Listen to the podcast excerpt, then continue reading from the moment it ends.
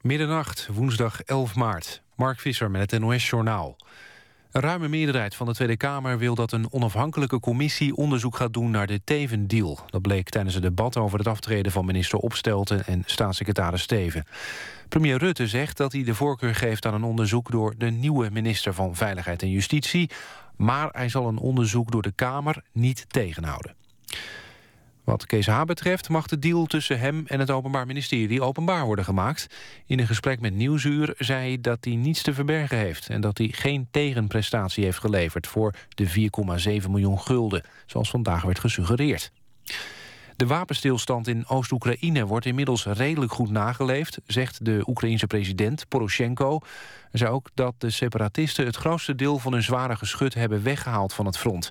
Wel zijn er af en toe nog schermutselingen met lichte wapens. Staakt het vuren was een van de belangrijkste punten van het akkoord... dat Poroshenko, president Poetin, president Hollande... en bondskanselier Merkel vorige maand sloten. De verdachte van de moord op Boris Nemtsov, Zaur Dadaev... ontkent dat hij iets met de liquidatie van de Russische politicus te maken heeft... schrijft een Russische krant. Afgelopen zondag meldde een rechter dat Dadaev een bekentenis had afgelegd. Maar hij zou tegen gevangenisinspecteurs hebben gezegd dat hij onschuldig is.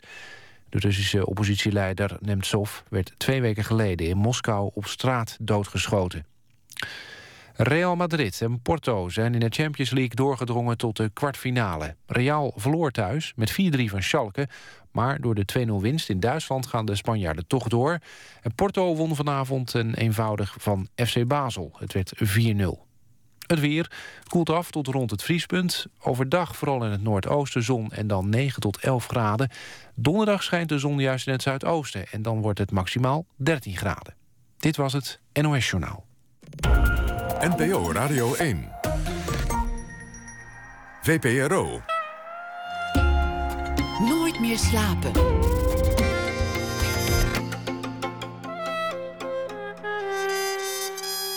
Met Pieter van der Wielen.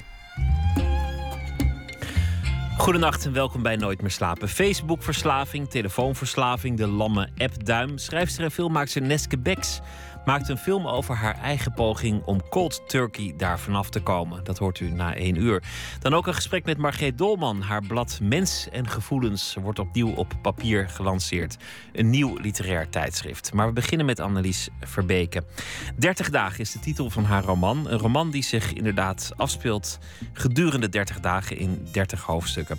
Over een buitenstaander in de streek West-Vlaanderen die niemand kwaad doet maar andersom kan dat tegenvallen. Annelies Verbeke werd geboren op een koude dag in februari 1976 in Dendermonde. Inmiddels woont ze al lange tijd in Gent. Ze studeerde Germaanse linguïstiek en uh, scenario schrijven. Werd op slag beroemd in België na haar debuut met het boek Slaap. Alweer zo'n tien jaar geleden. Dat boek gaat over een slapeloze vrouw die als tijdverdrijf en een beetje uit wraak anderen uit haar slaap houdt, uit hun slaap houdt. Ze heeft ook andere boeken geschreven: Reus, Groener Gras, Vissen redden. De boeken werden in meer dan twintig landen inmiddels vertaald. En ze won vele prijzen. Annelies Verbeke, hartelijk welkom. Hallo. De nacht is aan je gaan kleven, hè? op de een of andere manier. Als er één deel van de dag is waar mensen jou vaak naar vragen, jou mee associëren, dan is dat toch altijd die nacht.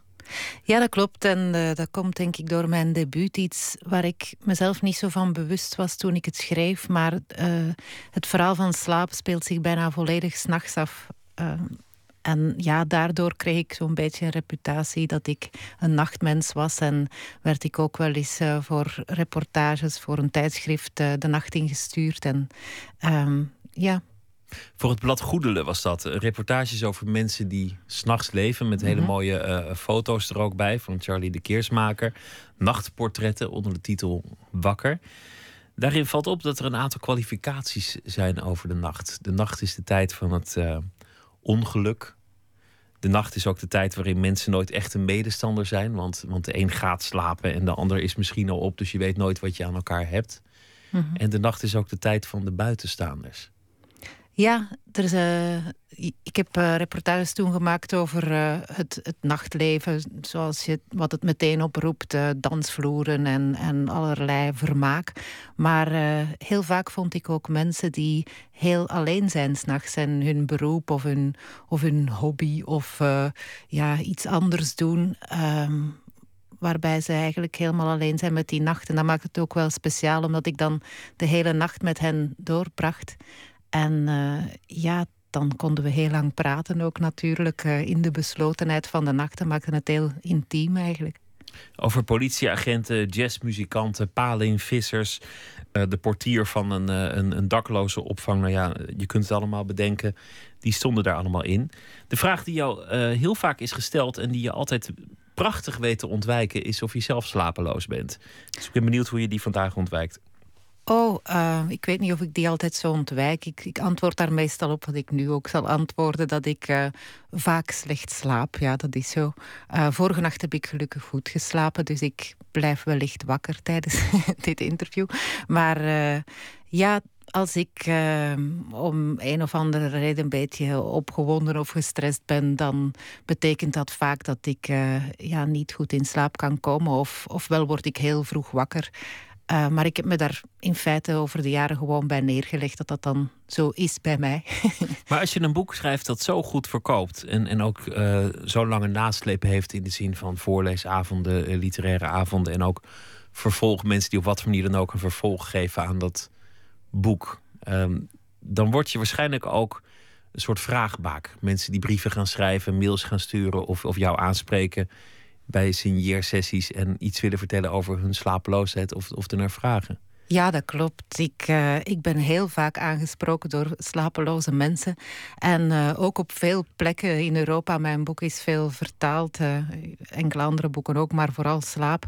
En ja, dan kreeg ik de indruk dat Europa echt collectief slapeloos was. Um, maar ja, ik, ik uh, zeg daar natuurlijk altijd bij. Ja, het is een roman. Ik uh, kan geen uh, geneesmiddel bieden of, of ik kan je eigenlijk helemaal niet helpen.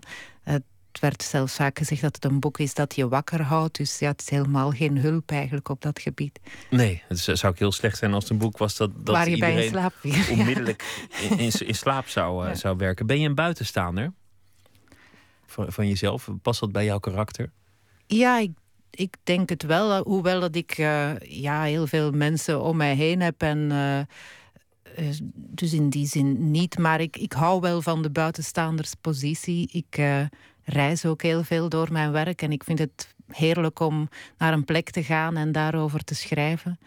En uh, ja, dat, dat lukt het best als buitenstaander natuurlijk. Als je ergens alleen bent uh, in een nieuwe omgeving, dan, uh, dan kijk je anders. Zeker als je de bedoeling hebt om daar dan ook nog over te schrijven. Dit boek gaat over West-Vlaanderen, een, een, een streek die heel vaak is verbeeld in de, in de Vlaamse literatuur tot op de dag van vandaag. Maar dat gaat ook al heel ver terug. En er zijn altijd dingen die terugkomen als het gaat over de streek West-Vlaanderen het, uh, het sombere gemoed dat, dat in het landschap besloten zit. Uh, de mensen die niet praten, maar wel vloeken.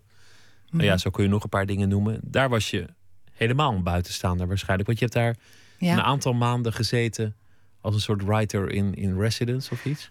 Uh, wel, het gaat over de Westhoek eigenlijk. En de Westhoek is, is uh, ja, een deeltje maar van de provincie West-Vlaanderen. En ook het, een deeltje van uh, Frans-Vlaanderen heet dat. Van het noorden van Frankrijk, dus de provincie Pas-de-Calais. En ja, die, die twee grensgebieden vormen samen de Westhoek. En, en de Westhoek, dat is Poperingen... Ja, die buurt, ja. Uh, Ieper zal eronder vallen en dan het, het Franse deel. Ja, en uh, ik was daar, uh, een writer in residence was het eigenlijk niet, maar ik had uh, voor een uh, ik had een blogopdracht voor 300 jaar grens. Dat was een evenement waar de Vrede van Utrecht, die de grens tussen Frankrijk en België heeft vastgelegd 300 jaar geleden, die werd herdacht. Uh, Kamagurka deed daar ook van alles rond. En aan mij werd gevraagd om uh, elke week naar dat gebied te reizen en daarover te schrijven. En dat was heel fijn om te doen, omdat ik kende de streken wel door de Eerste Wereldoorlog. En ja, iedereen is daar wel eens geweest. Uh, de graven en dergelijke, dat, dat kende ik. En ik wist hoe het gebied eruit zag ongeveer. Maar... Want je hebt ooit een boek geschreven over de Eerste Wereldoorlog. Dat... Uh... Ja, ik heb een, uh, ja, een soort van uh, ja, collectors item-achtig boekje geschreven. Dat hoorde bij een oratorium over uh, de Eerste Wereldoorlog. vorig jaar ging dat in première. Um, met Maarten van Ingelgem, die, als componist. Maar ja, de, de Westhoek is een, is een heel bijzonder gebied, omdat het uh, enerzijds zo in verband staat met de dood door die Eerste Wereldoorlog, door al die graven. Maar ook vandaag de dag, uh, er zijn enorm veel zelfmoorden daar, ook bij jonge mensen. Het echt het grootste, zelf, hoogste zelfmoordaantal van Europa in, in dat gebiedje. En het is ook een streek die helemaal leeg loopt. Er komen geen jonge mensen wonen. de oude volkscafés die gaan dicht. Um, en er zijn veel boeren die, die ook hun problemen hebben vandaag de dag. En uh, ja, al, al die zaken maken het zeker een troosteloos gebied. Maar aan de andere kant is, is de natuur er veel aanweziger dan, dan in de meeste plekken in, in België. Of in Vlaanderen toch zeker. En uh, ja, in de lente en de zomer vind ik het prachtig. En dan heeft het echt iets uh, sprookjesachtig, vond ik. Ik vond het uh, geweldig om daar doorheen te rijden en te wandelen. En uh, die dualiteit van dat gebied zit zeker ook in het boek. En het, het feit dat een van de hoofdpersonen heel duidelijk een buitenstaander is. Je neemt vaak in je boeken één uitgangspunt, één thema. Mm -hmm. in, in dit geval was het thema goedheid. Mm -hmm. hoe, hoe begint dat? Ja, bij mij dient inderdaad een boek zich vaak aan met een, met een thema en daar komt dan vanzelf een personage uit voort. En uh, bijvoorbeeld in Visseredden was dat wanhoop. En deze keer goedheid. En bij goedheid dacht ik uh, toch een beetje shit. Omdat uh, ik wilde natuurlijk geen, geen moraalridderig boek schrijven. En als je het over goedheid hebt, dan, ja, dan, dan, uh, dan wordt het moeilijk. Want dan moet je ook uh, pretenderen te weten wat goedheid is. Uh, dus daarom diende ik mijn hoofdpersonage die op het moment dat we hem volgen goed en gelukkig is. waarschijnlijk ook omdat hij tot een soort van zelfaanvaarding is gekomen. Ook echt goed wil doen en kan doen ook voor de mensen om hem heen. Um, ja, uh, die wordt natuurlijk wel gecontesteerd, die goedheid. Soms weet hij ook niet helemaal wat het goede is om te doen op dat moment. Maar hij slaagt er toch wel in om uh, de mensen om hem heen, en dat zijn dan vooral zijn klanten, uh, waar hij hun huizen gaat behangen of schilderen, om naar hen te luisteren in de eerste plaats. En soms geeft hij raad, maar meestal luistert hij gewoon en hij helpt hen wanneer hij kan. Het is, uh, dat wordt nergens echt duidelijk gemaakt, maar je merkt het aan de omstandigheid. Het is een, een muzikant die van Brussel verhuist naar de Westhoek. Die daar een klusbedrijf begint, schilderen en stucadoren. Dus heel duidelijk de buitenkant eigenlijk. En hij biedt tegelijk een luisterend oor. En, en daardoor wordt hij een belangrijk personage in de levens van alle mensen. Eigenlijk een soort messias. Ja, een, uh, een messias. Er zit altijd zo uh, iets in, in mijn boeken, zeker in de laatste drie veronderstellingen, uh, was de messias teruggekeerd als schnauzer, waar die ook zelf geen blijf mee wist. En in Visseredden zat een vrouw die zichzelf als een soort profeet begon te zien. Dus er zit blijkbaar altijd zo wel iets. Blijkbaar heb ik iets met Jezus. maar. Ehm, Alfons, mijn hoofdpersonage zelf in 30 dagen, wil zichzelf absoluut niet als een, een messias uh, gedragen. Hij wilde ook geen goeroe worden of zo voor die mensen. Hij doet iets opzettelijk goed, hij doet het gewoon. Hij doet het omdat hij het kan, omdat het kan. Wat is eigenlijk goedheid? Ik denk dat, uh, ja, dat goedheid uh, betekent dat je er bent voor de mensen en dat je ze niet ontwijkt, maar ja, in zijn geval dat je luistert in de eerste plaats. Ik denk dat uh, ja, goedheid een beetje dreigt te ontsporen als je het veel te groot wilt aanpakken om, om een soort van leegte in jezelf op te vullen. Of zoals je de wereld wilt gaan redden, zoals Monique Champagne in Vissen redden, omdat je ja, jezelf niet kunt redden. Dat is niet het geval bij Alfons. Hij, uh, ja, hij voelt zich uh, goed in zijn vel. Hij zegt ergens dat hij wil blijven zoals hij is en dat de dingen gewoon in zijn leven blijven zoals ze zijn. Um, maar uh, ja, de mensen om hem heen hebben wel heel veel problemen. En hij probeert te doen wat hij kan zonder de pretentie dat hij het allemaal op gaat lossen. Maar uh, ja, wel met goede moed. Een van de thema's in het boek is racisme. Um, is, is het boek een aanklacht? Is het een, is het een thema dat je aan het hart gaat? Heb je, heb je zelf dingen meegemaakt die je de ogen hebben geopend of, of die je hebben gechoqueerd, waardoor je dacht: ik, ik moet iets doen met het thema racisme? Um, het boek is zeker geen pamflet. En ik was blij dat uh, ik in de Groene Amsterdammer een recensie zag waar het ook zo uh, stond dat het uh, een roman blijft en geen pamflet is. Dat mag nooit de bedoeling zijn van een roman om iets te gaan aanklagen op zich, vind ik. Ehm, maar ik schrijf over dingen die op mijn pad komen. En omdat ik nu ondertussen vijf jaar samen leef met een man die uit Senegal afkomstig is ja, kwamen die dingen ook wel op mijn pad. En uh, zag ik racisme duidelijker wat dat kan zijn. Niet dat dat heel erg is in zijn geval of zo, of dat wij voortdurend uh, ja, vreselijke dingen meemaken. Maar ik heb uh, racisme ook in het boek proberen te laten zien in al zijn gradaties. Van, ja, van heel subtiel en, en uit een soort onwetendheid voorkomend tot heel grof in-your-face racisme. Noem, noem eens een voorbeeld. Ik bedoel, schelden. Gebeurt dat? Uh, dat, dat gebeurt, ja.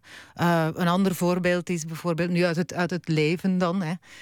Um, dat mijn vriend een café binnengaat, ergens in een dorp bij Gent, en uh, een glas wijn vraagt. En dat het antwoord is: al onze wijn is op. En dat was natuurlijk niet zo. Um, dus ja, dat zijn, dat zijn vrij grove dingen. Die gebeuren niet zo vaak, moet ik erbij zeggen. Dat gebeurt zeker niet dagelijks. Uh, vaak maar het is, is pijnlijk. Dat is Tuurlijk is dat pijnlijk, ja, ja. Dat, dat is zo, ja. Was er ook ooit een Vlaams liedje, een café zonder bier? Hoe, hoe ging die ook alweer? ja. ja. Ja. dat weet ik ook niet meer meteen. Maar uh, ja, daar, dat is de laatste zin van het refrein in ieder geval, ja. We hebben muziek uitgekozen die op wat voor manier dan ook uh, iets te maken heeft uh, met jouw boek. Mm -hmm. Lotje, Lotje IJzermans heeft dat gedaan. Die, uh, die doet voor ons. die selecteert de muziek. Die is, die is daar goed in. Eén ehm, liedje noem je ook in het boek van, van Joe Beam. Ja. Waarom? Tom Joe Beam en Elis Regina. Aquas de Marcho. En ik heb dat nummer gekozen het hoort bij het boek. Ik heb er ook eigenlijk stukjes vrij van vertaald in het boek. Um, om verschillende redenen. Uh, Aquas de Marcho gaat eigenlijk over het aantreden van van de herfst, zou je kunnen zeggen. Maar in het uh, zuidelijk halfrond is dat dan maart. Daar stopt de zomer en uh, ja, komt de herfst eraan. En mijn boek speelt zich af tijdens de maand september. Wat onze herfst aankondigt, uiteraard. En Um, het, het, liedje geeft een opsomming eigenlijk van alles wat het leven is. Heel banale dingen. Een, een lus, een korst brood. Uh, tot, tot hele grote dingen, eenzaamheid. Uh, en ja, het begint eigenlijk telkens met het is, het is, het is. En dan uh, komt het refrein en daar wordt dan gezegd van... het zijn de, de waters van, van maart die de zomer met zich meenemen... En het is tegelijk een, uh, een belofte van leven in je hart. En die twee dingen samen vond ik uh, zeker bij het boek passen. Tom Jobin en uh, Alice Regina.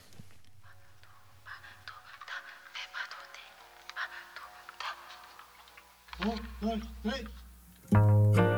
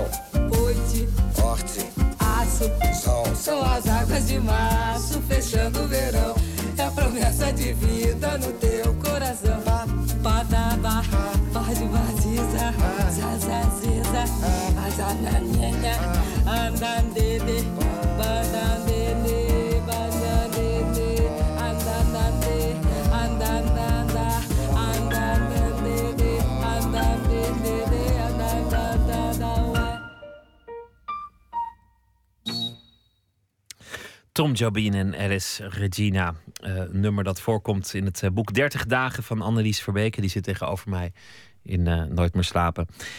Geboren op een koude februariochtend in 1976 in Dendermonde.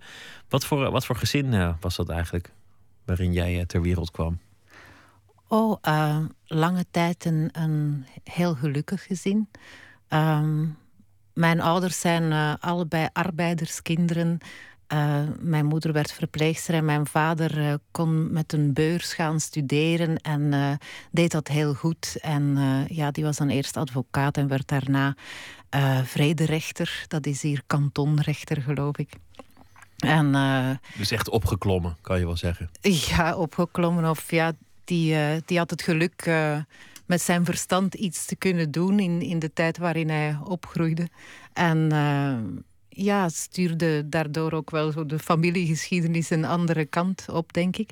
Ehm, en eh, ja, er was bij ons thuis eh, vroeger altijd veel, veel humor en ehm, veel verhalen ook eigenlijk. Omdat ja, allebei mijn ouders door hun beroep ook wel heel veel mensen ontmoeten en heel veel verhalen mee naar huis brachten. En eh, ja, die zijn dan uiteindelijk wel gescheiden, mijn ouders, wat wel ja, een jammere zaak was. Maar ehm, goed, ja, nee, ik heb wel een gelukkige jeugd gehad. Hoe oud was je toen thuis. ze, toen ze gingen scheiden? Eh, toen was ik eh 16, 17. Oh, dat is wel een eh, lastige leeftijd. Ben je toch al overal tegenaan aan het schoppen en dan gaan je ouders ook nog uit elkaar. Ja, dat was een zeer vreemde tijd eigenlijk. Ja, zo de, de eind jaren 90, eh, wel, ja, midden jaren 90. Ja. Ging dat heel plotseling of, of was het, want je zei lange tijd was het een heel gelukkig gezin en dan die scheiding. Eh, was dat een geleidelijke overgang of een, eh, of een donderslag bij heldere hemel? Ehm, dat ging toch wel vrij plots, denk ik, ja. ja. Papa kwam thuis en zei, "Mo- moet je horen, Nee, nee, niet zo, nee. Nee, maar eh, ja, goed, ik weet niet hoe ik dat hier allemaal moet vertellen. Maar ehm, nee, dat was toch wel in, een, in enkele jaren tijd, laat ons zeggen, eh, kantelde dat. En eh, ja, dat kan gebeuren in gezinnen. ja, dingen gebeuren. Was je toen al als kind een, een beetje een buitenstaander eigenlijk? Ehm, wel, ik heb altijd die kant gehad, denk ik. Maar ik- anderzijds denken heel veel mensen van mij dat ik net een heel sociaal persoon ben. En dat heb ik waarschijnlijk ook wel. Maar eh, ja, ik, ehm, Je hoeft ook niet altijd het een of het ander nee, te zijn. Nee, natuurlijk. mensen zijn veel dingen tegelijk, denk ik. Ik Ja. zie mijzelf een beetje als een, eh, een parade. eh, zo verklaar ik het vaak. Ik ben gewoon een hele optocht van mensen. En ja, het hangt er dan vanaf wie op welk moment de leider is. ja. Welk van jouw persoonlijkheden boven ligt op dat moment. Ik Ja. denk dat dat voor heel veel mensen geldt. ja, dat denk ik ook, ja. Maar het, het, eh, over je achtergrond lijkt mij interessant dat, dat je ouders dan een beetje de notabelen zijn. Want kantonrechter, dat is toch een, een, een chic beroep. Maar ook arbeiderskinderen. Dus dat je Mhm. eigenlijk twee milieus van binnenuit kent. Ja, en daar ben ik heel blij om. En dat is eh, misschien soms verwarrend als je opgroeit dat je tot heel veel verschillende soorten werelden behoort. Want ik was ook veel bij mijn grootouders, die dus arbeiders eh, waren. En eh, dat was ook al een heel verschil met thuis. Eh, bij mijn ouders hadden wij heel veel boeken. Bij mijn grootouders was geen enkel boek. en eh, ja, ik ben daar blij om dat ik in verschillende milieus ben opgegroeid, omdat, je, omdat dat je wereld opent en omdat dat je kijk eh, op mensen, denk ik, verruimt.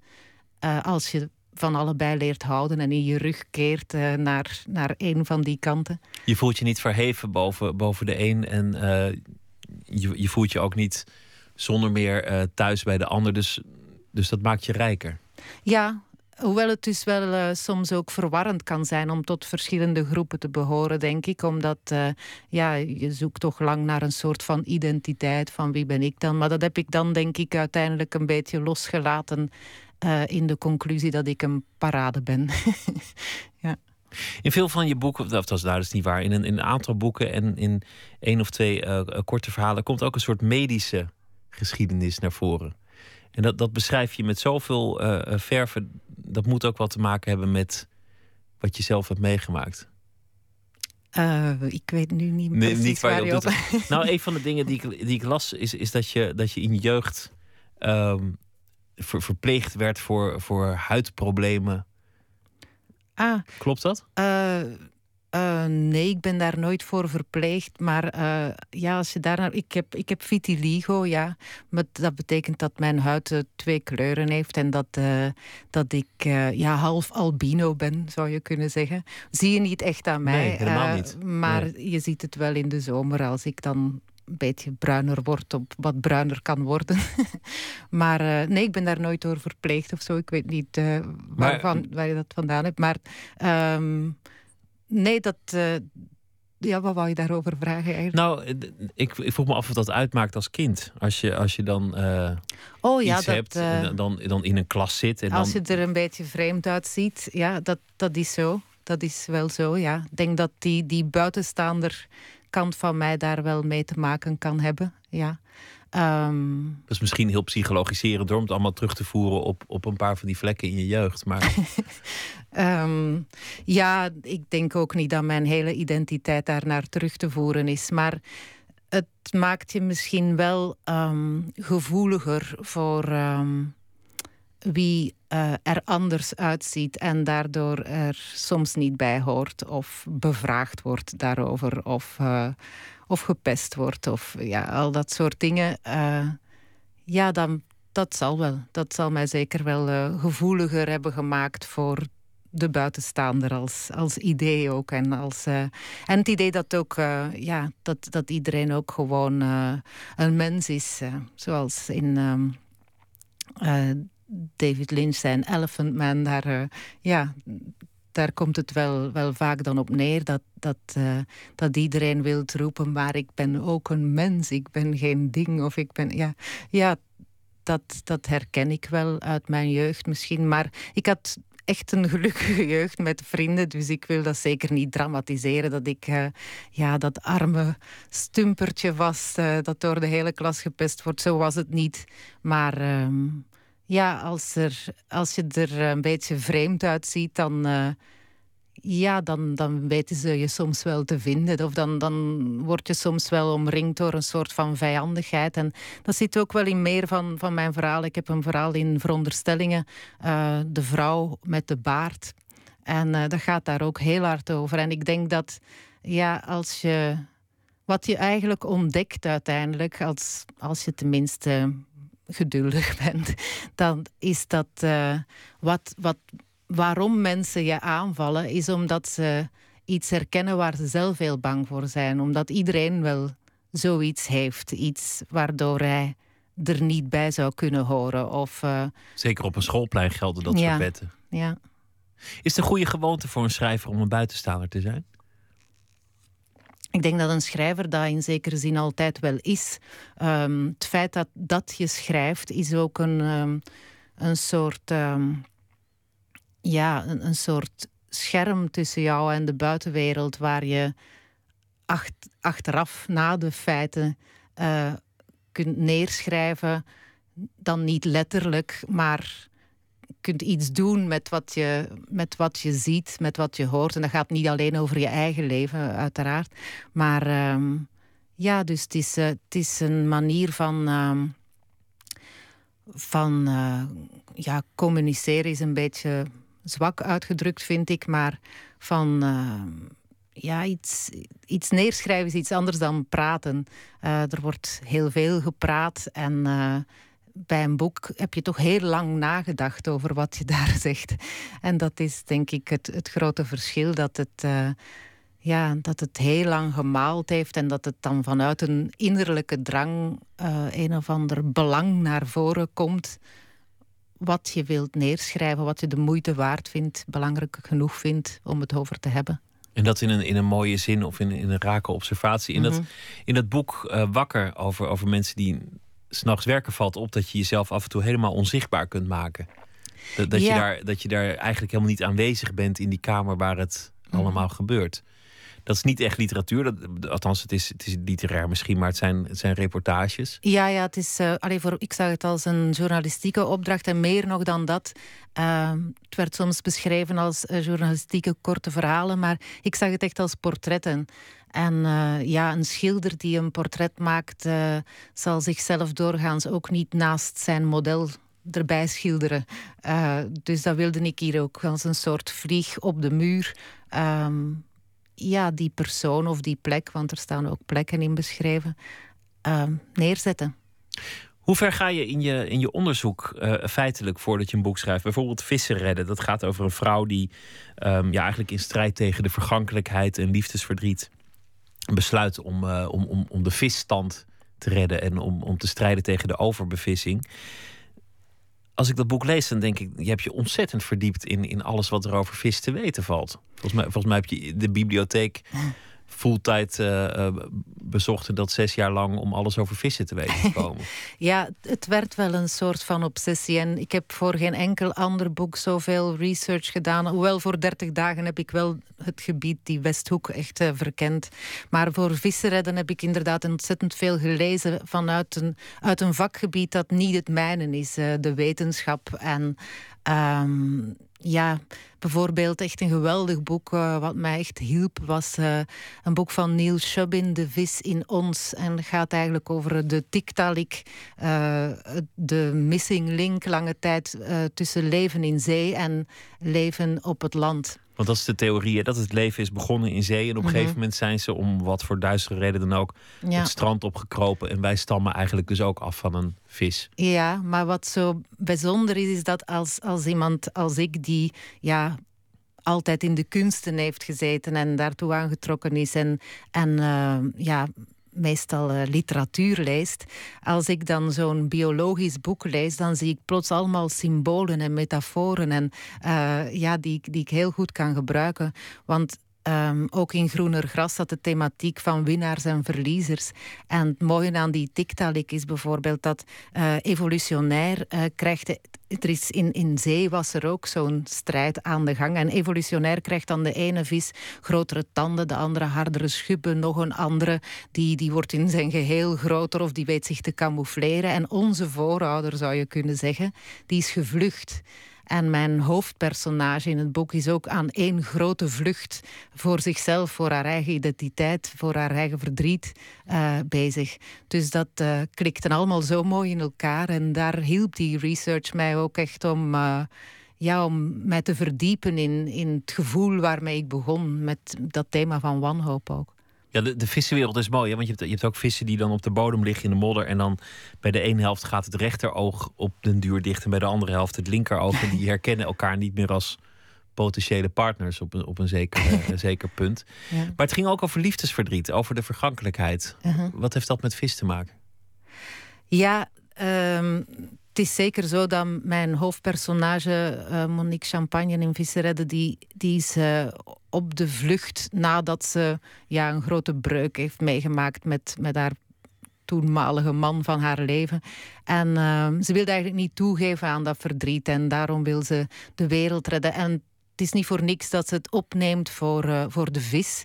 Want dat, die zou je kunnen zien als de underdog van de, van de dierenwereld. Uh, heel veel vegetariërs of mensen die zichzelf vegetariër noemen, eten toch vis. Dat was ook voor mij lange tijd zo. Daar, daarna ben ik alles beginnen eten eigenlijk. Maar, uh, maar ik had vis en, en ja, ik voelde eigenlijk geen enkele empathie met die vis. En ik begon me wel af te vragen, hoe komt dat dan? Uh, het is ook omdat we vissen heel weinig zien of je moet gaan duiken. Maar meestal zie je vissen gewoon in dode toestand. Uh, ze tonen ook weinig emoties, uh, vissen. Maar uh, ja, hoe meer ik over vis ging lezen, en ik ben dan ook wel eens gaan duiken en zo.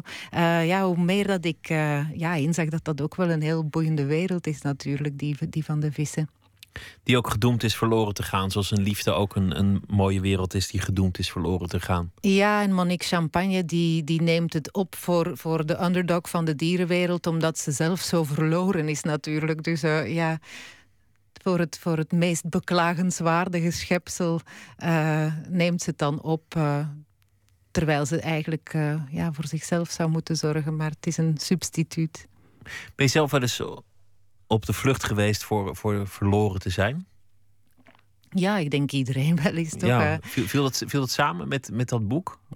Ja, dat viel zeker samen. Maar um, ja, er was in, in, voor het boek ook een, een groot uh, ja, liefdesverdriet in mijn leven.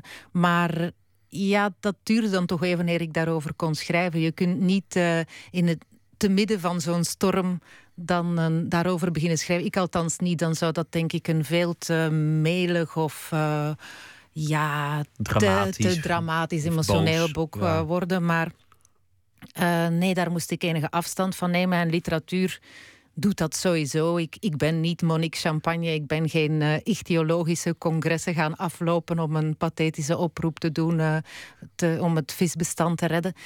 Um, dus ja, dat, dat had ik dan nodig na een tijdje om het te kunnen neerleggen, denk ik wel. Het, op, op een manier was het wel uh, een verwerking. Zoals vaak, uh, denk ik, literatuur wel een verwerking is, maar geen letterlijke, gelukkig. Ja. De vraag die eronder lag was: waarom zou je investeren? Waarom zou je je best doen als het verloren gaat? Waarom? Ja. Het, is, het is eigenlijk een wanhoopsstrijd. Het is een wanhopige strijd om die vissen te redden, terwijl dat eigenlijk ja, nergens toe dient. En dat, dat zou je ook als, als metafoor kunnen zien voor die liefde. Het huwelijk van je ouders is gestrand, hoe perfect het ook leek in jouw jeugd. Toen die hele dramatische breuk die daarvoor was geweest, voor je dat boek ging schrijven, is, is het gelukt om dat te hervinden. De liefde. Ja, en, en ook um, nou ja, de moed om er volmondig aan te beginnen. En heb, heb je eigenlijk een antwoord gevonden op die vraag? Waarom eraan beginnen ja, ja. als het zo kwetsbaar is? Ja, dat, dat denk ik wel. Zo voelt het toch. Maar uh, en ik denk dat ik dat in 30 dagen ook uh, onder woorden heb proberen te brengen. Ik denk uh, ja, dat je toch eerst moet komen tot een soort van eigenliefde, maar dan niet in de zin van, van narcisme, waarbij je blind staart op jezelf, maar een soort van zelfaanvaarding. Um, en, en een, ja, een, een aanvaarding van het leven zoals het is. En uh, het leven is niet uh, een kwestie van eerlijk duurt het langst of wie goed doet, goed ontmoet. Zo gaat het niet altijd.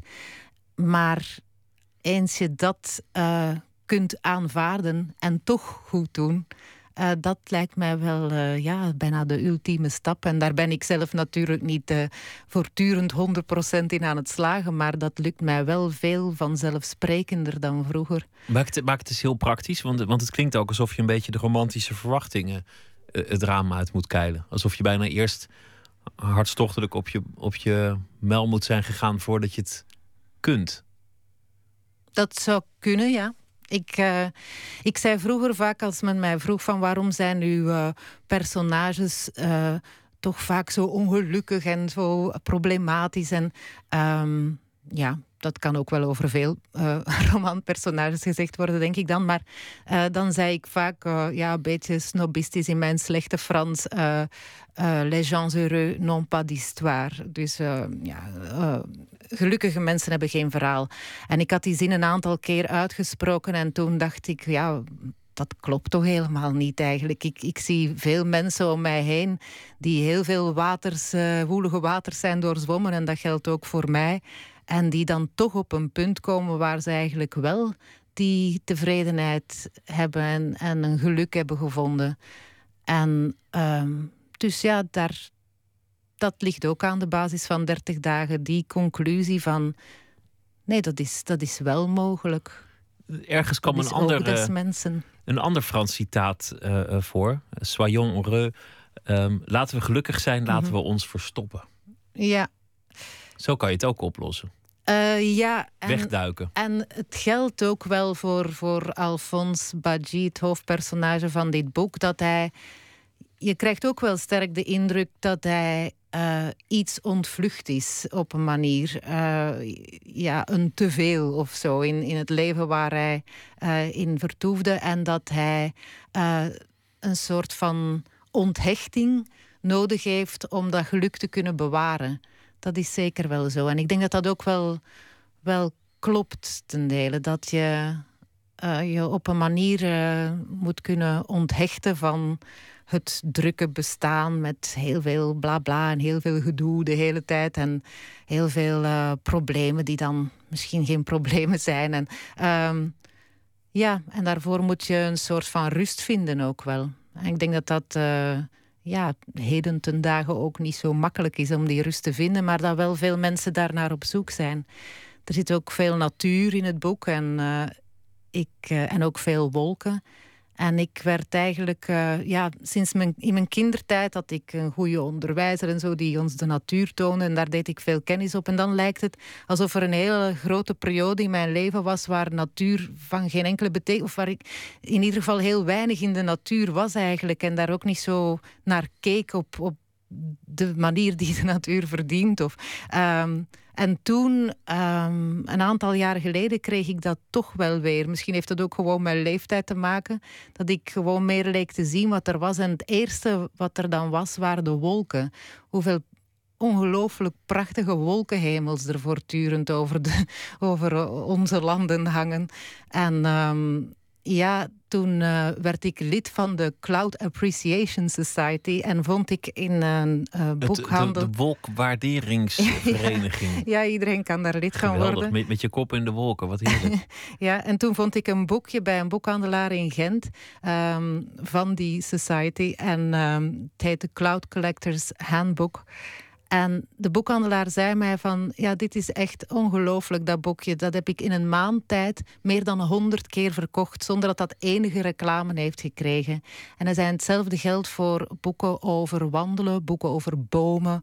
Uh, het lijkt echt alsof mensen massaal op zoek zijn naar uh, echte wolken boven de iClouds. Dat is het eigenlijk. En... Uh, en dat is een beetje onzichtbaar bezig, lijkt het. Uh, het is niet iets dat echt uh, wordt, wordt gepromoot uh, of dat heel veel aandacht krijgt, maar het is iets wat, wat er wel hangt onder de mensen. Die behoefte aan rust. Je mag kiezen, want we hebben um, muziek uit Senegal of uit West-Vlaanderen. Dus zeg maar wat, wat Oh, moeilijke keuze. West-Afrika of West-Vlaanderen? Ja.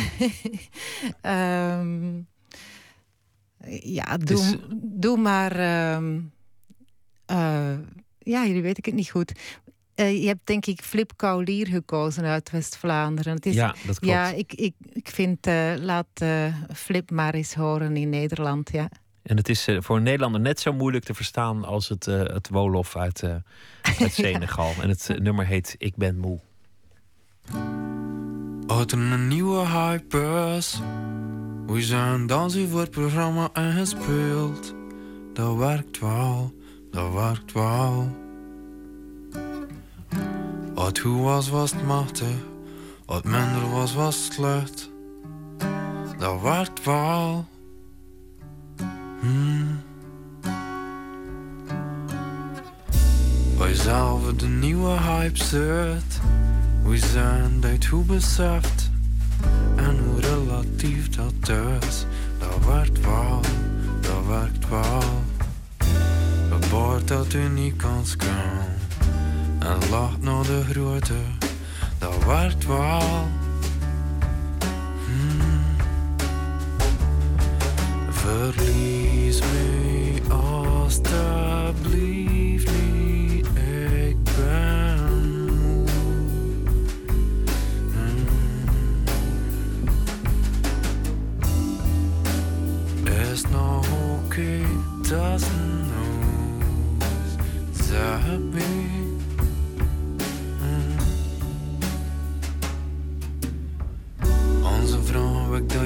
dat je een stijl is. Zeg dan maar dat dat niet zo simpel is. We kunnen het echt niet plaatsen. Dat wordt wel. Wil u niet ben aan een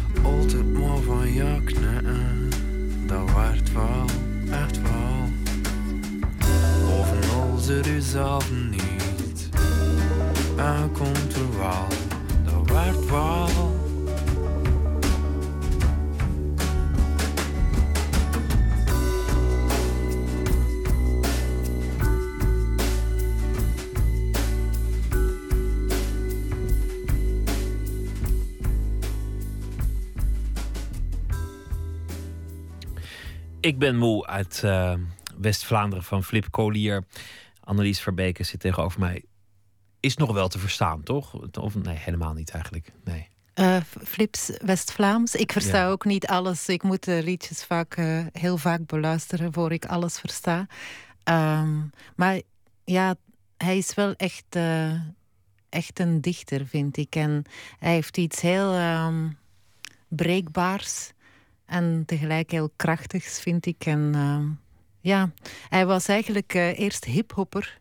En eh, daarna is hij zoveel ja, intimistischer nummers gaan maken. En ja, hij doet dat goed. Steeds meer gaan, eh, gaan zingen. Je bent, eh, we hebben al eh, best het een en ander eh, behandeld. Eh, je, ouders kwamen allebei uit een arbeidersgezin, maar die eh, eh, wisten op te klimmen als eerste te gaan studeren. Een huis vol boeken waarin je opgroeide. Een aantal jaren zeer gelukkig, zei je. Daardoor kende je twee milieus, namelijk het milieu van je grootouders en dat van je eigen ouders. Op een zeker ogenblik kwam die scheiding. Jij was eh, eh, 16. Eh, wel populair op school, maar toch een beetje een buitenstaander. Dat had niet alles te maken met een, een huidaandoening. En je kan het eigenlijk ook niet helemaal verklaren. Je zei eigenlijk ben ik een soort polonaise van persoonlijkheden. En Je, je kunt daar niet de vinger op leggen, maar je weet wel wat het is om een buitenstaander te zijn. Het, het eerste boek Slaap hebben we kort eh, behandeld. Zonder dat je zelf per definitie een slaapstoornis had, ging het boek daarover. En het werd een, eh, werd een enorm succes.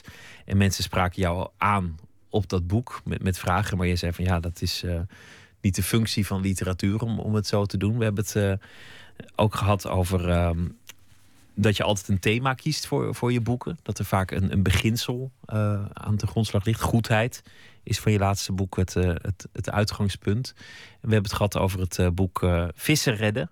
Dat ging eigenlijk over een tragische liefdesgeschiedenis, maar tegelijk ook over de schoonheid in de wereld en de vergankelijkheid daarvan. En, en hoe je dat probeerde te verwerken tot een, tot een boek. En de uitkomst daarvan, namelijk dat je weer gelukkig bent in de liefde met een Senegalees, die vinden we ook weer terug in je laatste boek.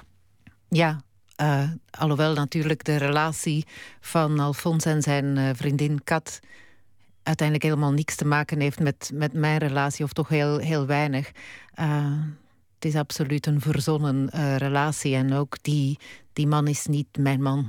Nee, nee, nee, dat begrijp ik. Het, het blijft gewoon allemaal, allemaal keurig netjes fictie. Maar het uitgangspunt dat je met een zeker realisme de liefde in moet gaan dat heb je er wel in geprobeerd te, te, te verwerken. Ja, ik heb uh, wel geprobeerd om die relatie die ik verzon um, realistisch te maken. In die zin dat. Um, en, en het leven in het algemeen. Ik heb bij dit boek echt heel dicht uh, bij het leven proberen te blijven. Wat ook maakt dat het boek veel minder plotgericht is dan, dan mijn vorige romans, denk ik.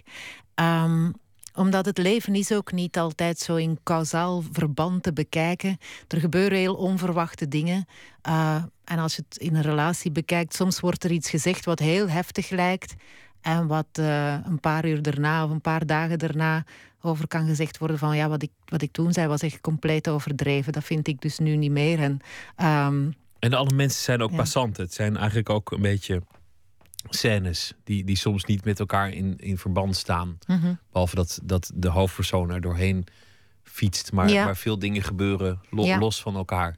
Ja, dat is zo. Eh, die mensen hebben allemaal hun eigen leven. En sommigen kennen elkaar en dan er komen lijntjes terug en zo. Soms krijgt hij ook eh, een verhaal op een andere manier te horen van, over dezelfde mensen. Maar ehm, ja, het is, het is zeker zo dat ze, dat ze ook hun eigen verhalen hebben. Misschien heb ik ook in, in die roman op die manier ook eh, korte verhalen kunnen binnensmokkelen.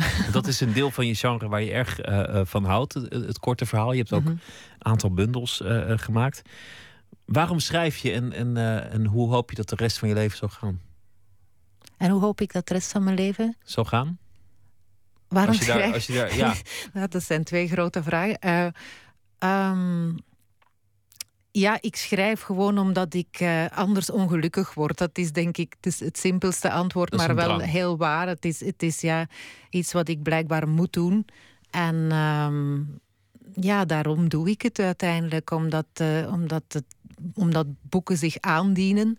Ehm, niet zozeer met een, met een thema, maar wel, ja, je zou het een thema kunnen noemen. Iets wat komt bovendrijven dan over een aantal jaren van dit is nu blijkbaar heel belangrijk voor mij.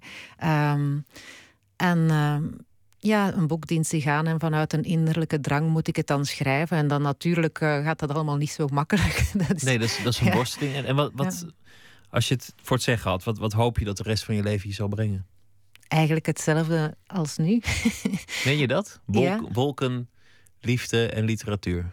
Ja, dat zou ik perfect vinden als het, als het zo blijft. Natuurlijk geen herhaling van telkens hetzelfde, maar, maar eh, dit soort eh, levensgevoel, of ik weet niet hoe ik het moet noemen, maar ja, als ik dat kan behouden voor de rest van mijn leven, ben ik, ben ik heel blij. Dus dan ben je eigenlijk nu ook gewoon gelukkig. Eigenlijk wel. Als je zegt, nou ja, meer van hetzelfde, doe er nog maar één. Dan, Ja. ja. ja, Nou, Ja. Dank dat je te gast eh, wilde zijn. Het eh, boek heet eh, 30 dagen en eh, ligt vanaf heden in eh, de winkel. Annelies Verbeke, dank je wel. jij ook eh, bedankt. Veel succes met eh, alles. Ja, het is eh, de Boekenweek en het gaat over de, de waanzin in de literatuur. Ranne Hoofdjes is psycholoog en schrijver, schreef een eh, boek Vogels van Waanzin. Zij bespreekt elke dag een eh, gestoord romanpersonage. Vandaag een boek waarvan de waanzin aan veel lezers totaal voorbij lijkt te zijn gegaan. Twee dagen en nachten was hij spoorloos. Hallucinerend dwaalde hij door de zuidelijke bossen en landerijen, bang om beroofd te worden, bang om vermoord te worden, gemarteld, opgegeten. Een etmaal lang verschool hij zich schokschouderend van angst in een met rottende euro's gevulde greppel. De derde nacht liep hij terug, kilo's afgevallen, gekneusd, van boven tot onder besmeurd met modder en bloed, hoestend als een hond. Enig idee uit welk boek dit fragment komt? Het een van de bestsellers van de afgelopen jaren, Bonita Avenue van Peter Buwalda. De man met een stoornis is fotograaf Aaron, de vriend van Joni Sigerius. Veel lezers zagen zijn schizofrenie over het hoofd, merkte Ranne Hoofdjes toen zij de recensies van het boek las. Ja, ik ben dat gaan, uh, gaan nalezen, die recensies. Omdat ik dacht, goh, wat een prachtig portret van... Hè, misschien een wat overcompleet portret... maar niettemin een prachtig portret van een schizofreen. En uh, daar is in het verleden vaak nogal wat om te doen geweest. Uh, toen Frederik van Ede zijn, zijn Koelemeren dus dood schreef... kreeg hij van iedereen op zijn lazer van... ja, hoor eens, dat, dat is geen literatuur, dat is een ziektebeschrijving. Zo willen we het niet. En, uh, en toen dacht ik, nou, hoe zou dat tegenwoordig nou zijn? Hoe reageert men nu op een, op een echte beschrijving van, van schizofrenie? En ik lees al die recensies door en denk... men vindt er gewoon niks van. Men zegt er helemaal niks over. Ook bij mij zit de stoornis van Aaron niet voor in mijn geheugen. Ik kan me wel herinneren dat hij werd opgenomen in een kliniek, maar Bonita Avenue is me niet bijgebleven als een boek over iemand met schizofrenie. Ja, en had jij het, toen je dat dan ging teruglezen, had jij een idee van, nou begrijp ik uh, iets meer over schizofrenie, of is dat aspectje ontgaan? Nou, het grappige is dat ik denk ik inderdaad niet al die gedragingen van hem, zoals zich uh, heel erg in dat huis bevuilen, dat ik dat heb gelinkt aan die stoornis. Uh, ik heb dat meer gezien als, nou, iemand is blijkbaar zo. En uh, ik heb dat niet direct gezien als een uiting van zijn stoornis. Daar heb je overheen gelezen. En dat is denk ik wat de meeste mensen doen. In de roman bemannen Aaron en zijn vriendin Joni samen een pornosite... die ze verborgen houden voor Joni's imposante vaders zien. Niet de ideale omstandigheden voor iemand met schizofrenie. Hij is eigenlijk een... Uh een, een, een goede schizofreen in de zin dat hij uh, er goed mee om weet te gaan. Hij slikt zijn pillen, hij heeft ziekteinzicht en hij weet dat hij tot alle prijs stress moet voorkomen. Nou, een relatie beginnen met een bloedmooi meisje met een ingewikkelde levensstijl en heftige plannen is niet de manier om eh, stress te vermijden. En daar komt hij geleidelijk aan achter. En hoe uitzicht die uh, schizofrenie in het boek? Wat zijn de symptomen? Nou, dat is wel, wel mooi van deze beschrijving. Peter Bewalde heeft zich echt... Die wilde het gewoon goed doen. En je ziet in zijn boek ook... veel netter dan je het in een, in een echte beschrijving zou lezen... alle aspecten van, van schizofrenie zie je... Te, die dus kunnen, zich kunnen voordoen... die komen allemaal aan de orde. Zij... Uh, bijvoorbeeld die, nou, hij, komt bij de Joni thuis en die Sim Sigerius is echt een, een held larger than life. Dus een, een, beetje een man die zowel ex-judo kampioen is als uh, rector magnificus uh, geworden op de universiteit. Die vindt die Aaron wel aardig. Dus die Aaron helemaal verrast dat die man zich wel met hem wil verstaan. En in zijn bijzijn uh, verstijft hij bijvoorbeeld helemaal. Kan hij helemaal verkrampt raken en als een soort standbeeld blijven zitten. Nou, dat is een soort uh, katatonische houding, noem je dat dan, die, die bij schizofrenie wel voor kan komen. Uh, de angsten die je kunt hebben, die beschrijft hij heel, heel uitgebreid. Ja, hij, hij, hij, haalt eigenlijk alle factoren.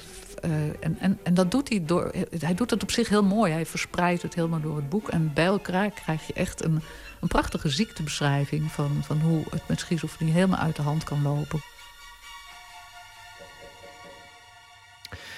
Een uh, verslag van Inge Ter Schuren was dat. En uh, vijf exemplaren van het boek van Ranna Hoofdjes worden weggegeven via de Facebookpagina van Nooit meer slapen. Zometeen gaan we verder onder meer met een gesprek met uh, Margreet Dolman. En we gaan het ook hebben over Facebook-verslaving. Neske Beks die maakte daar een documentaire over. En Katelijn Schilder zal een verhaal voordragen over de afgelopen dag. Dat doet ze deze week elke dag. Twitter, het VPRO NMS of via de mail nooitmeerslapen.vpro.nl.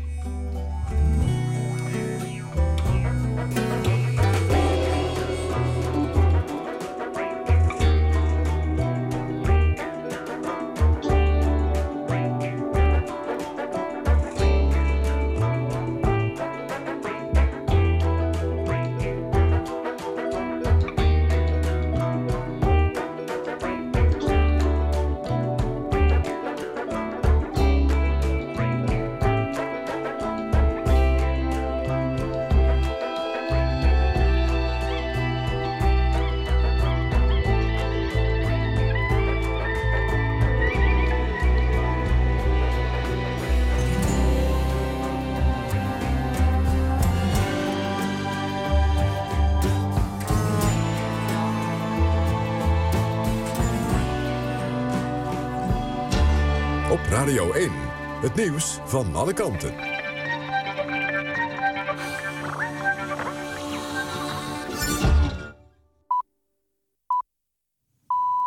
1 uur, Mark Visser met het NOS-journaal. Oud-premier Berlusconi is ook bij het Italiaanse Hof van Cassatie... vrijgesproken van het hebben van betaalde seks met een minderjarige. De zaak werd bekend als het Bunga Bunga-proces. Ook de aanklacht dat hij zijn invloed gebruikte... om het 17-jarige meisje uit een politiecel te krijgen... is door de rechters verworpen. De motivering van het vonnis volgt later. In eerste aanleg was Berlusconi wel schuldig bevonden... en tot zeven jaar cel veroordeeld. En ook kreeg hij een levenslang verbod op het uitoefenen van publieke bestuurlijke functies. In hoger beroep werd hij vrijgesproken. Het OM ging daarna in cassatie, maar ook het Hof heeft de oud-premier dus vrijgesproken. Formule 1-coureur Guido van der Garde heeft zijn rechtszaak tegen Formule 1-renstal Sauber gewonnen. Een Australische rechtbank stelde hem in het gelijk in het kort geding dat hij tegen zijn voormalige ploeg had aangespannen.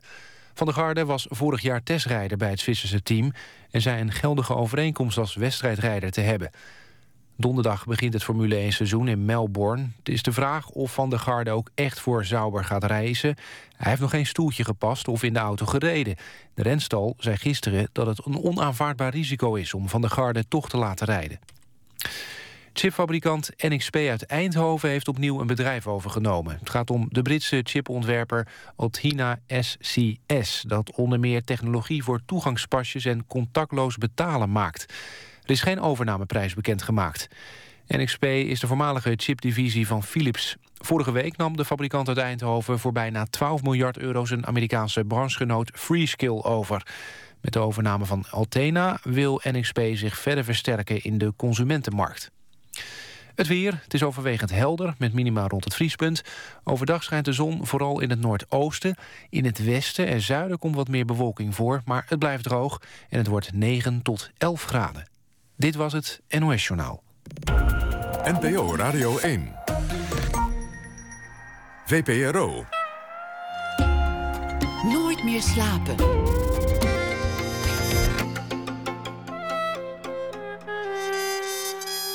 Met Pieter van der Wielen. U luistert naar Nooit meer slapen. Katelijn Schilder is uh, schrijver en zal deze week elke dag een verhaal maken. En dat uh, na ene voordragen. En dat verhaal zal geïnspireerd zijn op iets dat zich die dag heeft voorgedaan. En uh, dat kan zijn in de actualiteit of in het eigen leven of in Huizen Schilder. Ze is schrijfdocent, auteur van vele korte verhalen en ook van twee romans. De Eenling en Eerst een Huis. Goeienacht, Katelijn. Dag Pieter. Vertel, weer een dag voorbij. En toen? Ja, wat nieuws betreft was er genoeg te kiezen. Ik had het moeilijk. Ja, veel, veel verschillende... herkauwen natuurlijk. Sorry? Veel herkauwen. Van de... Veel herkauwen. Ja. veel herkauwen, veel herhaling. Ik heb, uh, ik heb op Stelten en Teven even gelaten voor wat ze waren. Dat, dat, dat, dat was wel genoeg geweest. Ja, al viel het me wel op. Dat, jij zegt nu ook waren, maar goed, dat, dat het bijna hier en daar was alsof, alsof de mannen dood was. Er, er werden hele uh, in memoriams geplaatst. Ja. Ze zijn afgetreden en ze krijgen heus wel weer een baantje hoor. Ik bedoel, kom, kom. Ja, ik denk, het, ik denk dat ze volgende week alweer wat hebben. Ze gaan even op vakantie en dan uh, komt er weer wat leuks. Ja, ik zag ja. wel een leuke foto van uh, op Stelten achter de kassa bij de Albert Heijn. Via Twitter langskomen. Die, was, die zag er goed uit, vond ik ook. dat zou leuk zijn. Maar, uh, ach ja, nee, maar goed, er is geen reden om, om, om de mensen helemaal uh, af nee, te leggen zeker middels niet. een... Die redden zich wel. Precies. Wat Ja. heeft je dan bezig gehouden?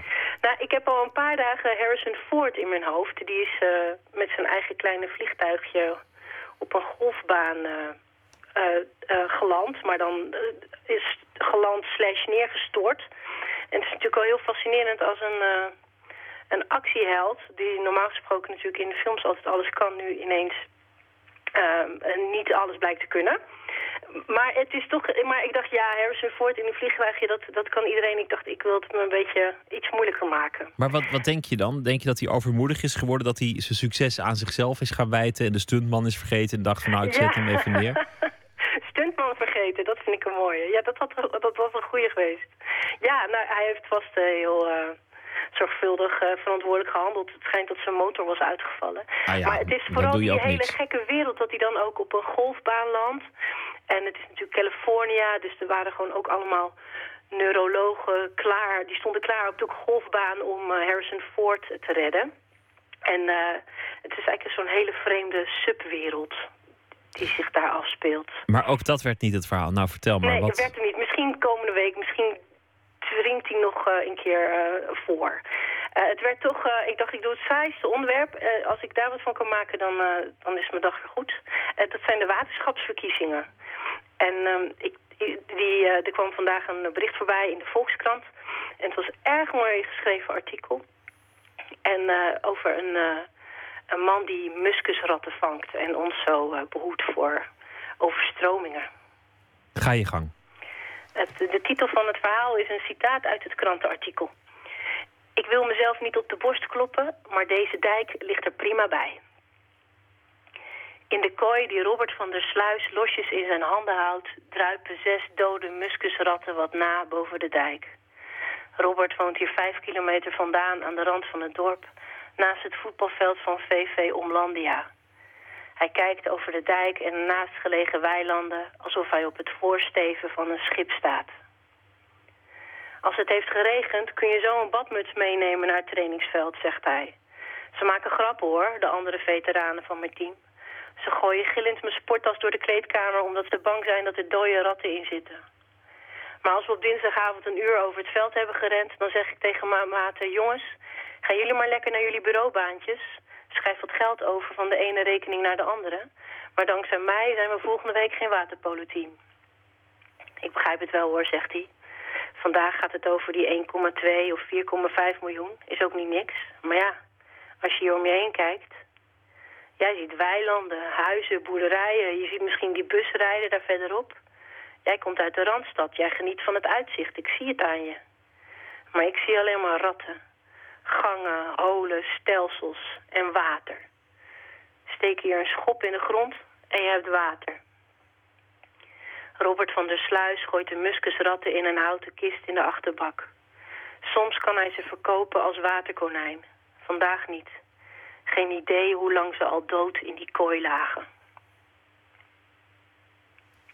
Een van de vele mensen die uh, nuttig werk doet uh, namens het waterschap. Ik lees meer van die reportages, maar het, het, het is toch een rare verkiezing, dat waterschap. Hoe meer, hoe meer ik erover na... Want er is natuurlijk, ja, volgens mij niet een enorme discussie van wel of geen dijk of zo. Dus, dus in die zin valt er weinig te stemmen. En, dan is het ook nog zo dat, dat ze werken bij die waterschappen met deelbelangen. Dus je hebt dan boeren, ja. ondernemers, natuurorganisaties. En dan één van die deelbelangen, dat is burgers. Ja. Alsof die andere mensen geen burgers zijn. Dat is heel ja. raar, eigenlijk. Nou, het is, het is eigenlijk een geweldig... Uh laatste restje Nederlandse geschiedenis eigenlijk wat daar is achtergebleven.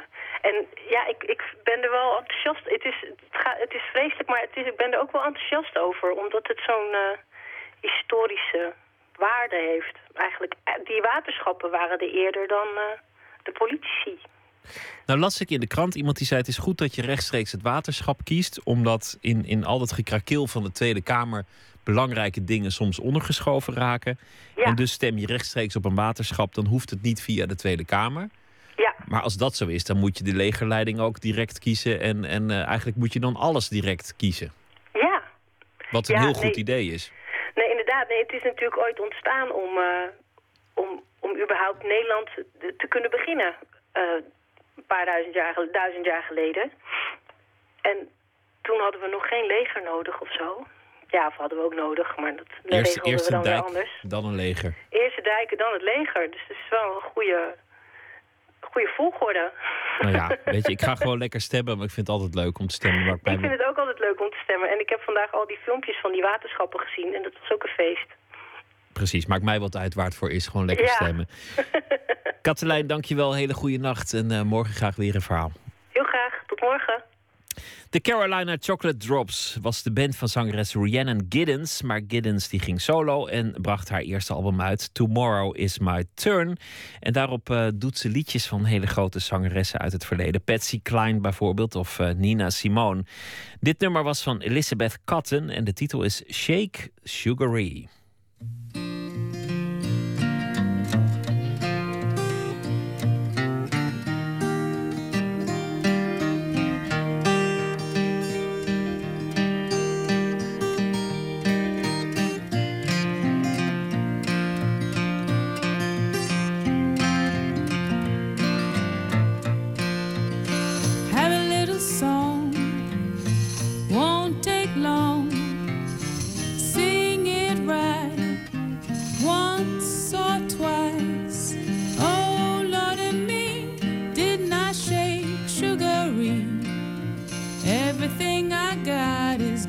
temps.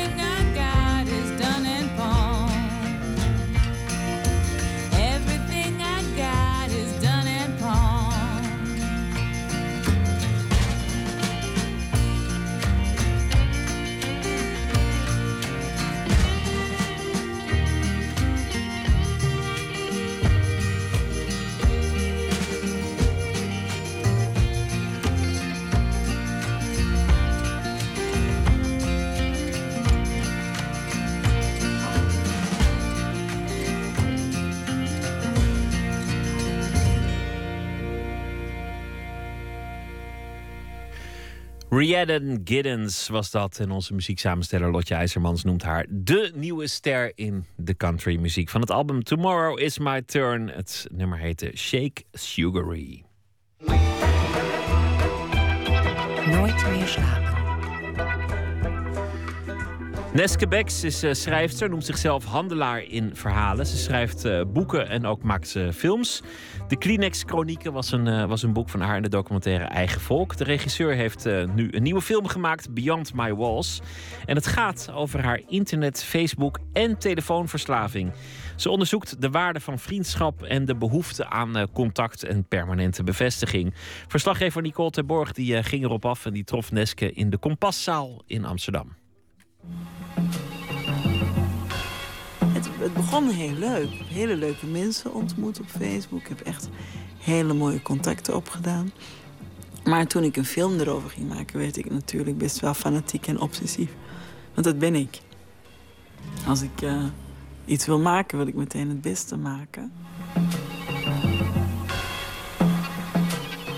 Als ik van tevoren had mogen kiezen, als, ik had, als mij was verteld wat er ging gebeuren, dan denk ik niet dat ik er had voor gekozen om deze film te gaan maken. Het is kwart voor negen en ik heb al, ik heb al eh, zeker drie keer mijn Facebook gecheckt. Ik heb al drie keer mijn e-mail gecheckt. En ik heb al eh, twee berichten geplaatst. Daar ben ik mee bezig.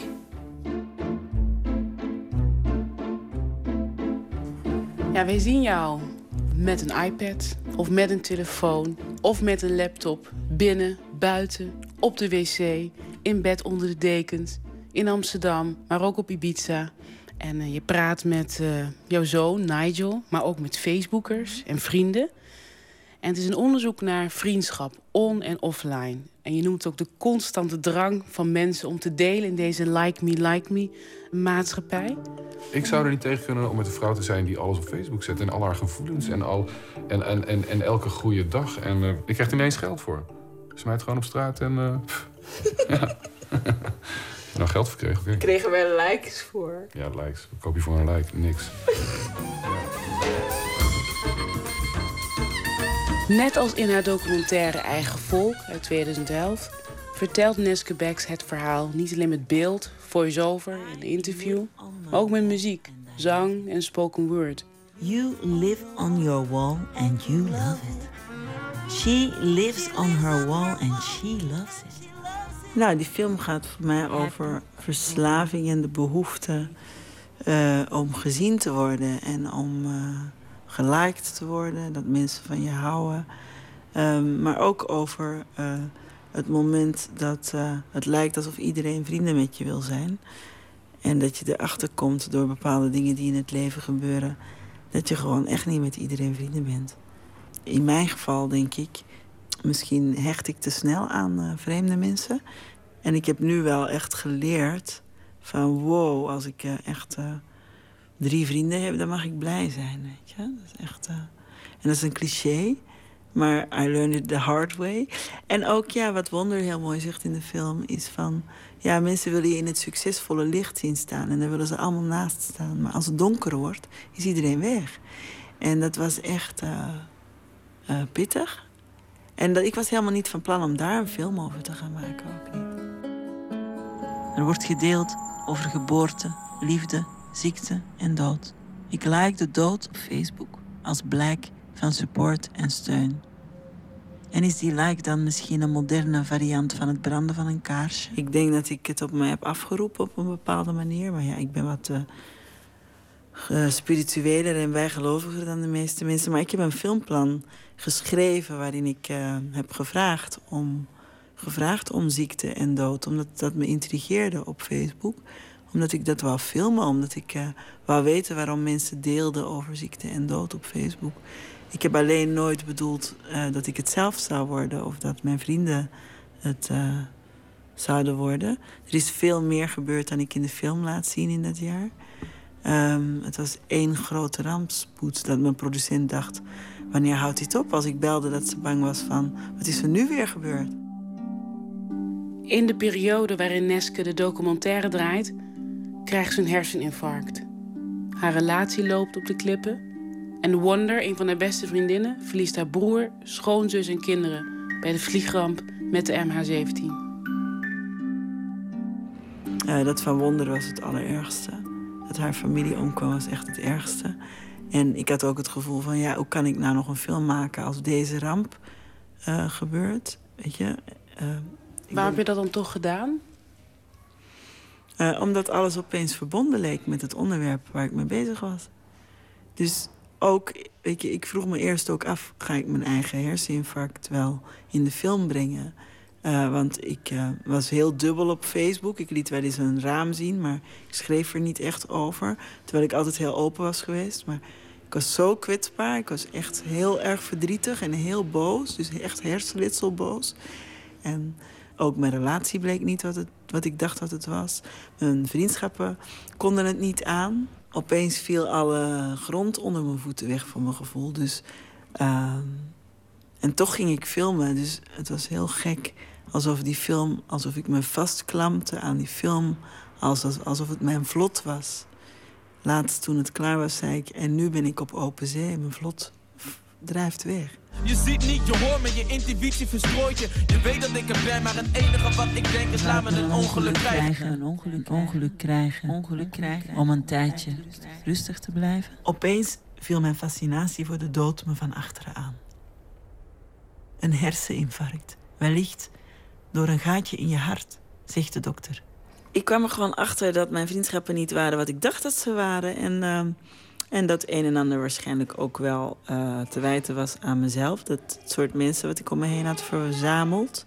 In het begin van de film zeg ik... natuurlijk weet ik dat het niet echt is. En toch, ik trap erin. En ik denk dat heel veel mensen dat hebben. Ze zullen het niet snel toegeven. Net hetzelfde dat mensen zeggen... jij was heel verslaafd, maar ik niet hoor. Nee, nee, nee, ik hou het heel goed in de hand. En dan denk ik... als ik dan zie of zag... ik zit er nu al lang niet meer op... Um, maar als ik dan zag hoezeer Facebook hun leven beheersen, dacht ik. Gewoon een soort uh, waas. Die, dat ze zichzelf. Misschien plaatsten ze minder of waren ze minder open dan ik was. Maar ja, altijd maar het inloggen, altijd maar het liken. Ik had op een gegeven moment ook de Facebook-archetypes gemaakt voor de film. Maar uiteindelijk heb ik dat allemaal niet gebruikt. Want Noem ze eens. Het echte leven haalde me in. Nou ja, je hebt natuurlijk de, de, de voyeur, je hebt de liker, hè, van die mensen die alles liken. Hè, echt. Je kunt niet iets plaatsen of ze hebben het al geliked, weet je wel. Dat je denkt, zit je gewoon de hele dag maar te liken. Waarom? Wat is je drijfveer? Nou, ik wil het niet veroordelen, maar ik heb me wel vaak afgevraagd. Uh, je hebt natuurlijk de exhibitionist, wat ik zelf best wel uh, had. Dat heel veel uh, delen. En dan, ik had echt heel intieme momenten met vrienden of met mijn kind, dan zag ik al de post verschijnen eigenlijk in een ballonnetje boven mijn hoofd. Nou, het ging ver. En, en uh, je hebt ook de mensen die, uh, ja, ik heb het nu niet meer voor me liggen, maar ja, de mensen die over de dood posten natuurlijk. Je hebt de mensen die uh, de wereld willen verbeteren, die alleen maar over causes en uh, die zichzelf daar ook heel anders in vinden. Die zeggen: nee, ik ben niet verslaafd. Ik gebruik mijn wall om de wereld te verbeteren. Uh, ja, goedemorgen. U spreekt met Neske Bix.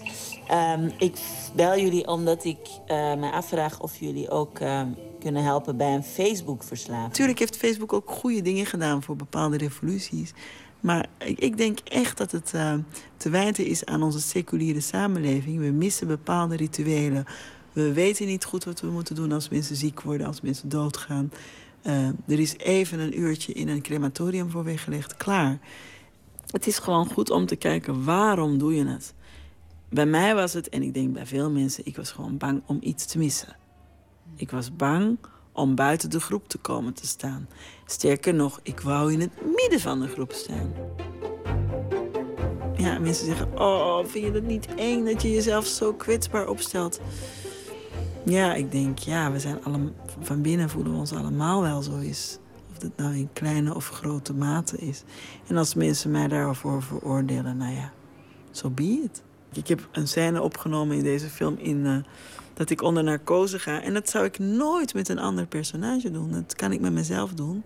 Maar dat kan ik niet met een mens om mij heen of een personage in een van mijn films. Zou ik dat niet doen. Ethisch vind ik dat niet kunnen. Maar met mezelf heb ik dat wel kunnen doen. Ja, heel heftig scène. Dat je ja, jezelf echt laat zien. Geen schild meer. Maar ik ging in één week twee keer bijna dood. Dus ik dacht, nou ja, ik, toen ik dat deed, was ik ook echt bang. Want ik dacht misschien... Ik had ook al een vriendin gevraagd van... Maak jij de film af als ik dood ga? Dus het... En nou, het is wel gewoon, denk ik, uh, goed ook om je steeds te blijven realiseren... dat het allemaal heel betrekkelijk is. Weet je, ik ben er vandaag en of ik er morgen nog ben... Weet, weet je, dat door zo'n periode ga je dat wel weer... Oh, wat een clichés allemaal, maar het is toch echt waar.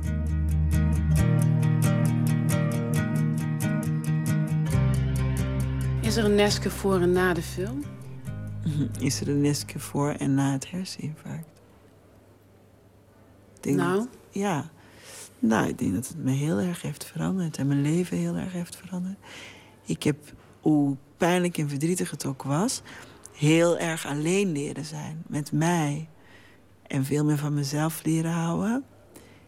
En um, echt uh, heel erg uh, leren waarderen hoe uh, de paar mensen die er waren, hoe die er waren. En echt, ik heb in mijn leven nog nooit zo mooi samengewerkt met een team als met uh, Boris en Fabi, mijn editor en mijn uitvoerend producent. En um, ja, dat is, dat is familie geworden voor mij. En uh, dat is echt dat is het grootste cadeau geweest. Beyond My Walls, de film van Neske Becks. 17 maart te zien om 11 uur s avonds op NPO 2. Uit Utrecht komt de band My Blue Fan. Ze zijn met z'n drieën. Ze hebben hun tweede album uit, Hash, en daarvan het nummer Float.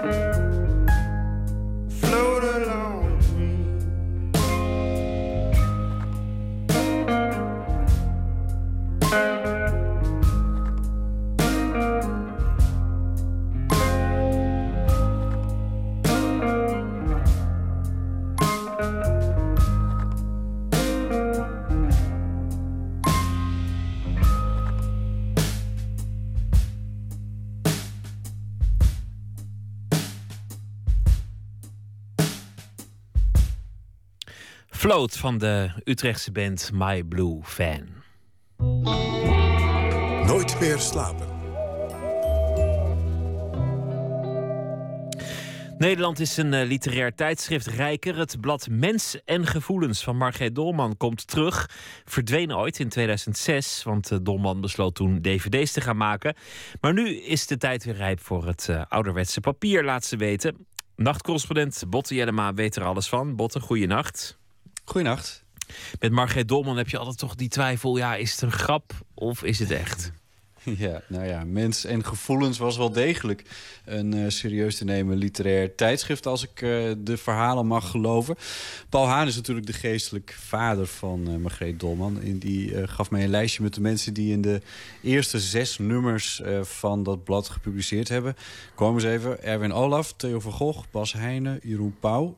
Job Schuring, Theo van Boogaard, Van den Boogaard, Adriaan van Dis, Theodor Holman, Wim T. Schippers en Anne Enquist. En dan sla ik er ook nog een hoop over.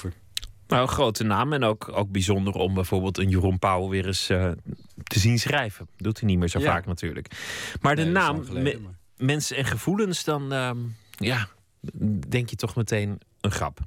Ja, nou ja, er zit natuurlijk ook heel veel humor in. Maar zo vertelde uh, Paul Hane mij, dat is nooit het uh, uitgangspunt. Uh, het begint wel degelijk serieus. Het is allemaal op zijn Margreet Dolmans.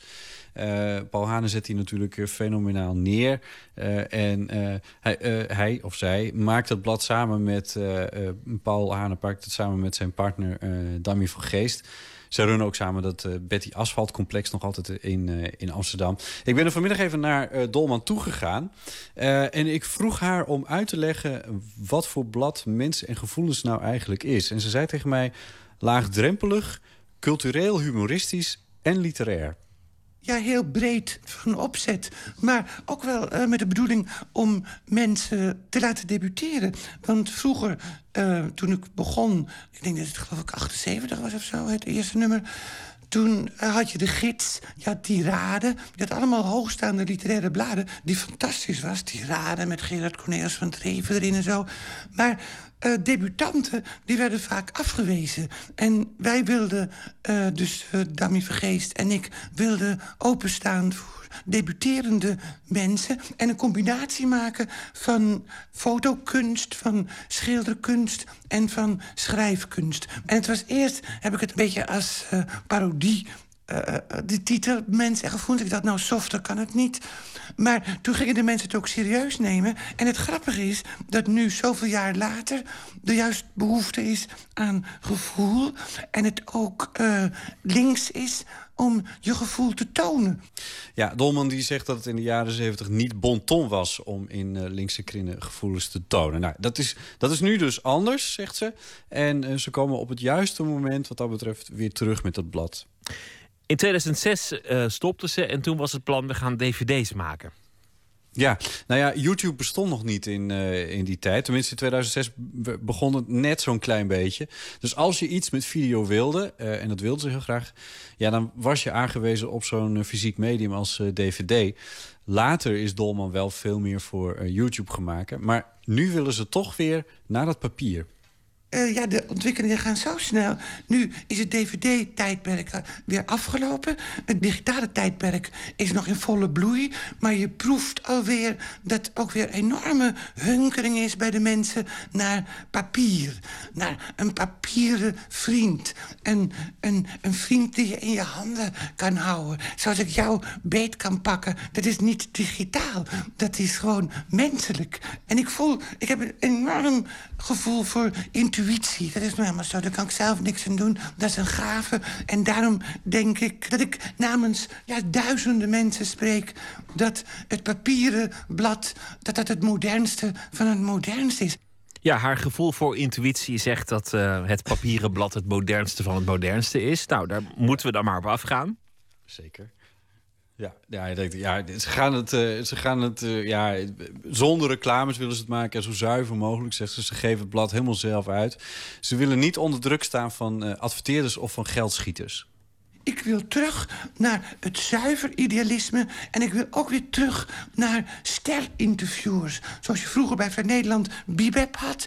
En, eh, en bij de Haagse Post Ischa Meijer. Zo ik weer... Ik wil weer persoonlijkheden terughalen en, eh, in de weekbladwereld. En daar is behoefte aan. En ook een, een warm menselijk blad. Echt een vriend wil ik zijn voor de lezer. Ja, Dolman gaat zelf ook interviewen, bijvoorbeeld eh, schrijvers en eh, artiesten.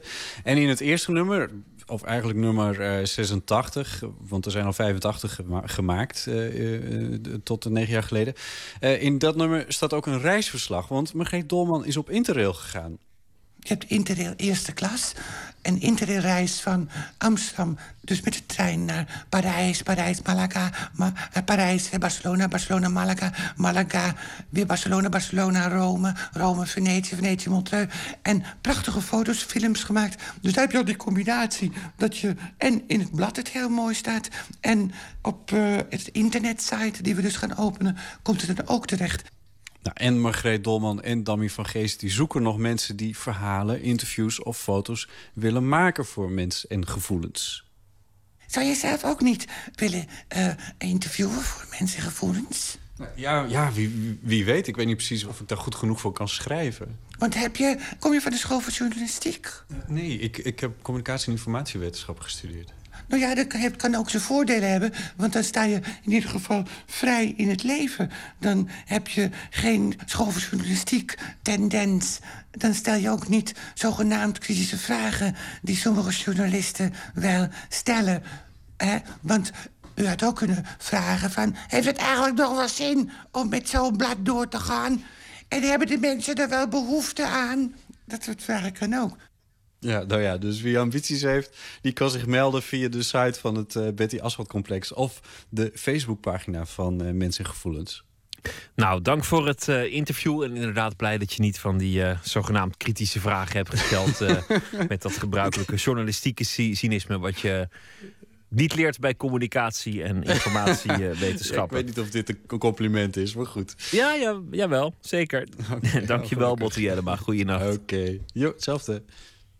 Paul Dixon is een eh, Engelsman. Hij eh, werkte voorheen onder de naam David's Liar, maar eh, vond het ineens geen mooie naam meer.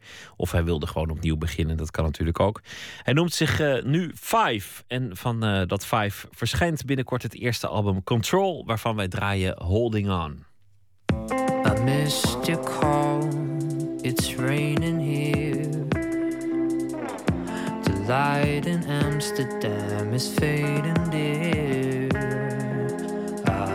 Can't tell these hotel rooms apart.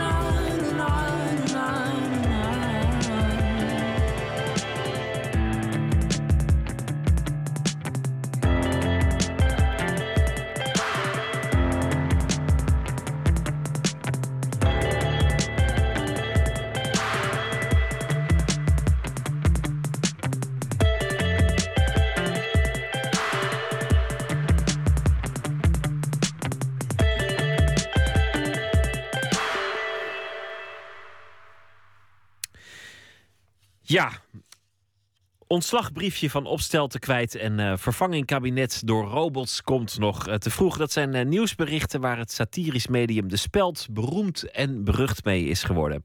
En soms is die absurde werkelijkheid zo geloofwaardig dat mensen denken dat het gewoon helemaal waar is. Afgelopen week kwam De Speld met een reisgids voor het Binnenhof. Logisch, want waar anders is niets dan het lijkt.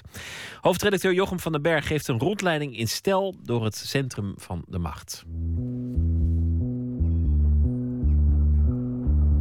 Het is een prachtige dag voor een heerlijke midweek op het Binnenhof. Het Binnenhof smeekt erom om verkend te worden. Van de viskraam tot het torentje, van de hofkapel tot het ministerie van Defensie, van de wandelgangen tot de achterkamertjes. U verveelt zich werkelijk geen moment in deze ronduit opwindende omgeving. Laat uw hart veroveren door de stralende glimlach van een ambtenaar en ga met de voltallige raad van state op de foto. Snuif de geur op van twee eeuwen constitutionele monarchie, vertegenwoordigende democratie en Hans Wiegel. Ja, wij raden vooral eh, een rustig midweekje aan, zodat je echt de ins en outs van het Binnenhof eh, kan meemaken en beleven vooral. We staan hier eh, op het plein. Waar zullen we beginnen dan met deze midweek? Ja, nou, het mooie aan eh, als je hier op het plein staat is dat we hier, we kijken hier tegen eh, de Tweede Kamer aan. Achter ons eh, bevindt zich de RTL Nieuwsredactie in het pand daar. En daar weer achter gloren de grote ministeries. Dus dan hebben we het over het ministerie van Financiën, Justitie, Volksgezondheid en Binnenlandse Zaken. Die wolkenkrabbers. Juist, de, de, laten we zeggen de favela's van het Binnenhof. Eh, en het aardige daarvan is dat als je naar de Tweede Kamer kijkt, dat is natuurlijk wat mensen elke dag op televisie zien. En eh, die zien de debatten en eh, de horde journalisten en de quotejes van alle politici. En je ziet dus ook een beetje de waan van de dag. Maar daar, als je naar die ministeries kijkt, daar werken dus duizenden mensen. En die zijn voornamelijk bezig juist met lange termijn beleid. Eh, en dat zijn allemaal mensen die je never, nooit ziet op televisie. Je ziet eh, eigenlijk heel, vrij letterlijk het topje van de ijsberg als je nieuws kijkt. Eh, en dat topje van de ijsberg, dat is dus in de Tweede Kamer. We hebben hier de gids. Een prachtige mooie foto op de voorpagina. Met een dolfijn in de hofvijver. Ja, dat, was, dat is echt toeval dat je dan op die dag dat je foto's neemt die dolfijn treft. Dan moet je echt mazzel hebben. Eh, nou, ik stel voor dat we eh, de verschillende wijken eh, door gaan lopen. Dat wil zeggen dat we dan de, de politieke wijk doorlopen, de journalistieke wijk en de ambtelijke wijk. Hier kunnen we dus aan de achterkant het, het al te bekende torentje van de minister-president zien. Als je goed naar kijkt, dan zie je ook dat het ontzettend klein is. Eh, en dat er, eh, dat er maar liefst acht hoeken eh, in zitten. En dat er eigenlijk maar zes zitplaatsen zijn. Dus als je dat even vergelijkt in een internationale context... dat zijn allemaal plekken van grandeur, zeg maar, in Frankrijk, Engeland. Wij hebben echt, een minister-president heeft, heeft eigenlijk een werkplek die niet aan de Arbo-voorwaarden voldoet. En wat zegt dat nou over de, de binnenhofbewoners? Nou, ik denk dat, dat, het, eh, dat ze wel eh, een bepaalde soberheid eh, willen houden. En dat het niet te gek moet. Eh, ehm, de minister-president heeft natuurlijk nog wel een boerderette. ook wel het katshuis. Waar die, waar die diplomatieke figuren kan ontvangen als het, als het even iets chiquer moet. Maar hij moet het, hij moet het met, met weinig middelen doen hier zelf aan het Binnenhof. Hier eh, aan de rechterhand eh, lopen we langs eh, het ministerie van Algemene Zaken. Het is altijd een beetje een soort van mysterie wat, wat er nou bij Algemene Zaken gebeurt. Klinkt ook een beetje algemeen natuurlijk. Dit is ja. Dus dit is... als je echt in hoogseizoen hier naartoe wil, dan kom je natuurlijk in mid-september hier voor, voor Prinsjesdag. Eh, en dan is het natuurlijk één groot spektakel. De rest van het jaar eh, gebeurt er bijna niks. Precies waar we nu staan, eh, daar staat Ron Vrezen ook altijd voor Nieuwsuur. Precies op deze plek. Dus dat is heel bijzonder. Is dat deze plek? ja, ja, dan hier zo met, met uitzicht op de Ridderzaal. En dit is precies het perspectief wat ze graag willen geven van, van de- dit, dit gebied. Oké, dus dit is de Ron Vrezen spot. Ja, dit is de Ron Vrezen spot. Eigenlijk zouden ze hier ook een soort plaket eh, moeten hebben van... hier was Ron Vrezen 2015. Aan de rechterhand bevindt, eh, bevindt zich de, de Eerste Kamer... waar eh, momenteel zoveel over te doen is. Ook in verband met de verkiezingen. En kunnen we even kijken wat er in de gids staat over de Over Ron Vrezen. Nee, over de Senaat. Over de Senaat. Even bijkomen van alle hectiek, dat kan door een dagje reflecterend te flaneren door de Quartier de Réflexion, de Eerste Kamer. Sinds jaar en dag geldt de Eerste Kamer als Tweede Kamer van de Staten-Generaal, als eerstvolgende Kamer na de Tweede Kamer, als op één na belangrijkste Kamer en als Kamer die weliswaar niet van secundair belang is, maar waar het primaat in eerste instantie toch niet ligt. Aanvankelijk fungeerde dit rustieke baken van staatsrechtelijke toetsing als locatie voor het groot dicté der Nederlandse taal. Na het Vienne siècle kwam de nadruk minder te liggen op correcte spelling en meer op het toetsen van uitvoerbaarheid en juridische degelijkheid van wetgeving. Voor mensen die nog op jacht zijn naar een souvenir is de Eerste Kamer de location d'être. Er is een levendige antiekhandel waar de fossiele en politieke curiosa tot aan het plafond opgestapeld liggen. En hoe hebben jullie nu voor die gids het hele Binnenhof doorgrond? Hoe heb je, die, eh, hoe heb je dat onderzoek gedaan? Ja, we zijn eigenlijk. eh, eh, we hebben geprobeerd van alle bevolkingsgroepen een aantal mensen te spreken. Dus dat wil zeggen Kamerleden, bewindslieden, lobbyisten, journalisten en wat ambtenaren. En op die manier ja, een beetje compleet beeld te krijgen van wat er, wat er allemaal speelt en hoe, hoe de lijntjes lopen. Ook als je zeg maar denkt van eh, ik ben eh, eh, politiek junkie en ik, eh, ik weet hoe dit allemaal werkt. Eh, in ieder geval in mijn geval eh, bleek toch als je gewoon een simpele vraag stelt van eh, hoe komt een wet eigenlijk tot stand of hoe wordt beleid eigenlijk gemaakt. eh, dan, eh, dan merk je dat je eigenlijk niet, eigenlijk niet helemaal zo goed weet hoe dat nou precies werkt. We probeerden in het begin eh, een soort van evenwichtig beeld neer te zetten van het Binnenhof, van de goede en de slechte kanten. Maar eigenlijk kan je stellen dat het niet gelukt is. We hebben echt een totaal verheerlijkend beeld neergezet van, eh, van dit prachtige gebied. De Kamerleden zetelen in blauwe tulpvormige stoelen, terwijl vak K bevolkt wordt door de harde kern van het kabinet, de K-side. Wilt u als Kamerlid aan de slag, dan wordt u in principe geacht om kwaliteiten te hebben. In de loop der jaren is deze voorwaarde steeds soepeler gehanteerd. De meeste Kamerleden hebben jarenlang corvée gedaan als raadslid, statenlid, wethouder, nieuwslezeres of gedeputeerde. Bij partijen met een lange traditie is het vrij moeilijk om hogerop te komen.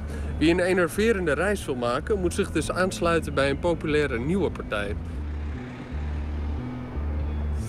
Eh, ja, hier aan de andere kant van de Tweede Kamer bevindt zich de patatbalie. En dit is de, de plek eh, die je ook vaak op televisie ziet... waar journalisten de politici op, op, eh, opwachten eigenlijk. En dat is ook de plek waar voorlichters elkaar ontmoeten... waar partijen dus onderling afspraken maken... waar journalisten met voorlichters praten. Dus dat is een soort dagelijks circus... Eh, en dat is ook waar, waar ik het aan het begin over had. Eh, hier gaat het echt over wat er die dag speelt, welk probleem eh, deze dag opdoemt. En dat is, is echt een beetje een soort van het schoolplein, zou je kunnen zeggen, van het Binnenhof. Het is ook best wel. Op televisie komen politie af en toe aanlopen al- alsof ze iets gaan kopiëren. Terwijl ze eigenlijk gewoon een camera willen om hun verhaal te doen. Dus dan komen ze zo heel schijnheilig zo met, met een soort bochtje aanlopen. Oh, wilt u me wat vragen? Dan hopen ze dat ze opgemerkt worden door eh, de Ja, opvolgers dan- van en- Ferry Mingelen. Ja, dan komt Rutger op ze aflopen en dan kunnen ze zeggen... Ja, ik ben verbijsterd. Eh, Dat hebben ze dan ook al voorbereid, dat zinnetje. precies, dat hebben ze zeker voorbereid. Als je dit allemaal leest, dan eh, denk je... eh, het is allemaal wel heel absurd wat hier gebeurt. Of is het eigenlijk allemaal heel logisch?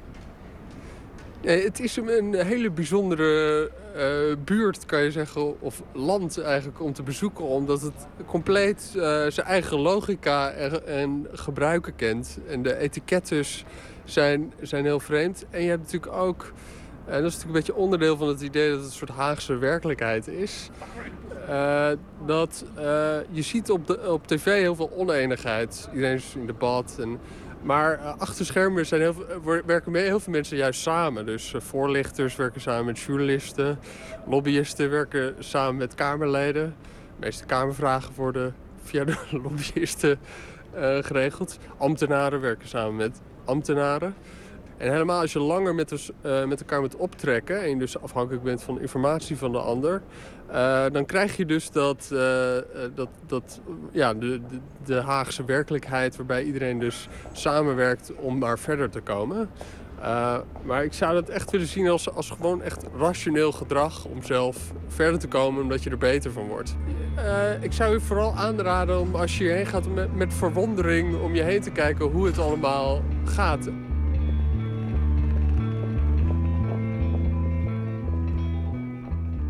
Emmy Colau in gesprek met Jochem van den Berg, hoofdredacteur van het satirisch medium De Speld, over de reisgids voor het Binnenhof.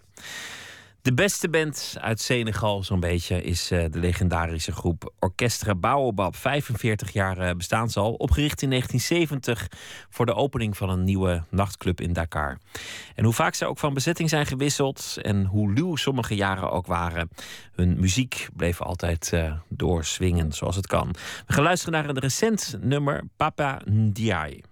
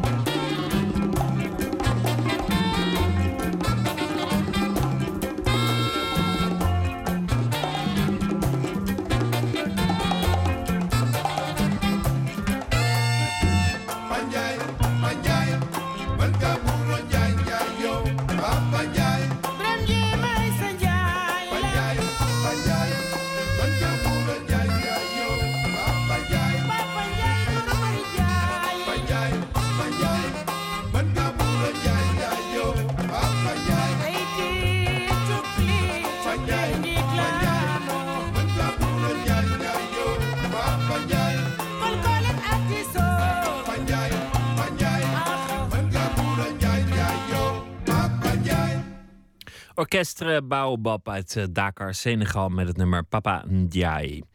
Piet Gerbrandi is eh, dichter, klassicus en criticus. En hij kiest deze week elke dag een van zijn favoriete gedichten uit om eh, die voor te dragen. Zijn eigen bundel, Vlinderslag, was zijn meest recent. En daarvoor kreeg hij de Jan Kampertprijs. En hij was genomineerd voor de VSB Poëzieprijs. Het gedicht dat hij vannacht heeft uitgekozen is van de Romeinse dichter Horatius. En de vertaling kwam van hemzelf.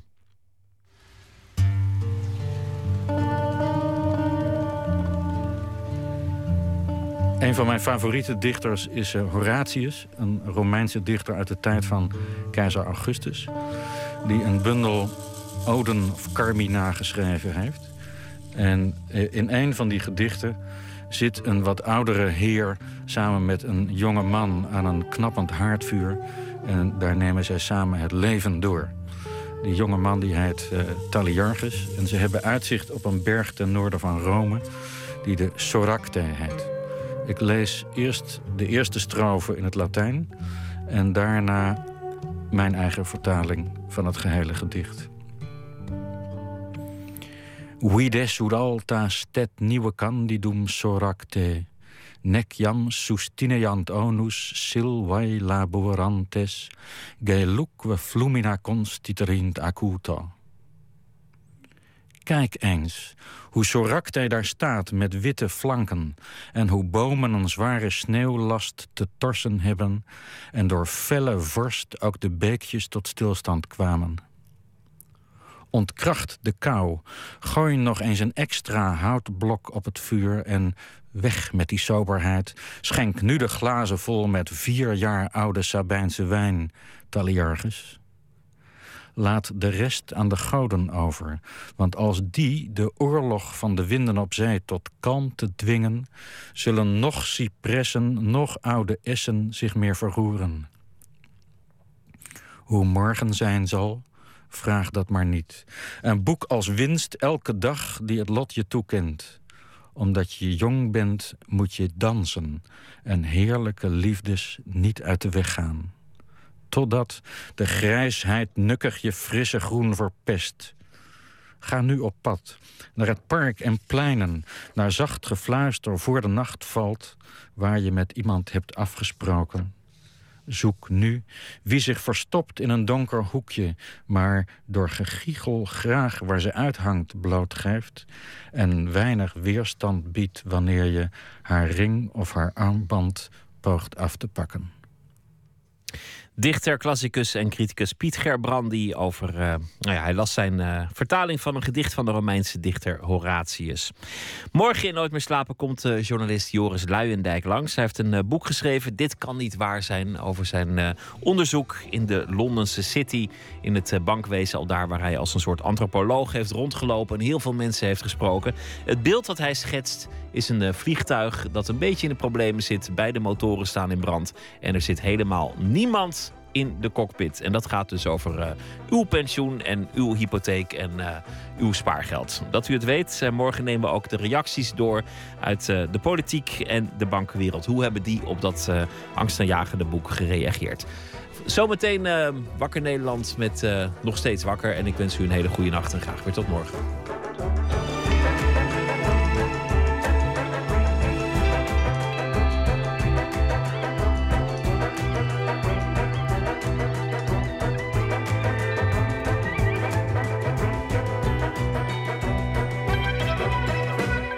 Op Radio 1, het nieuws van alle kanten.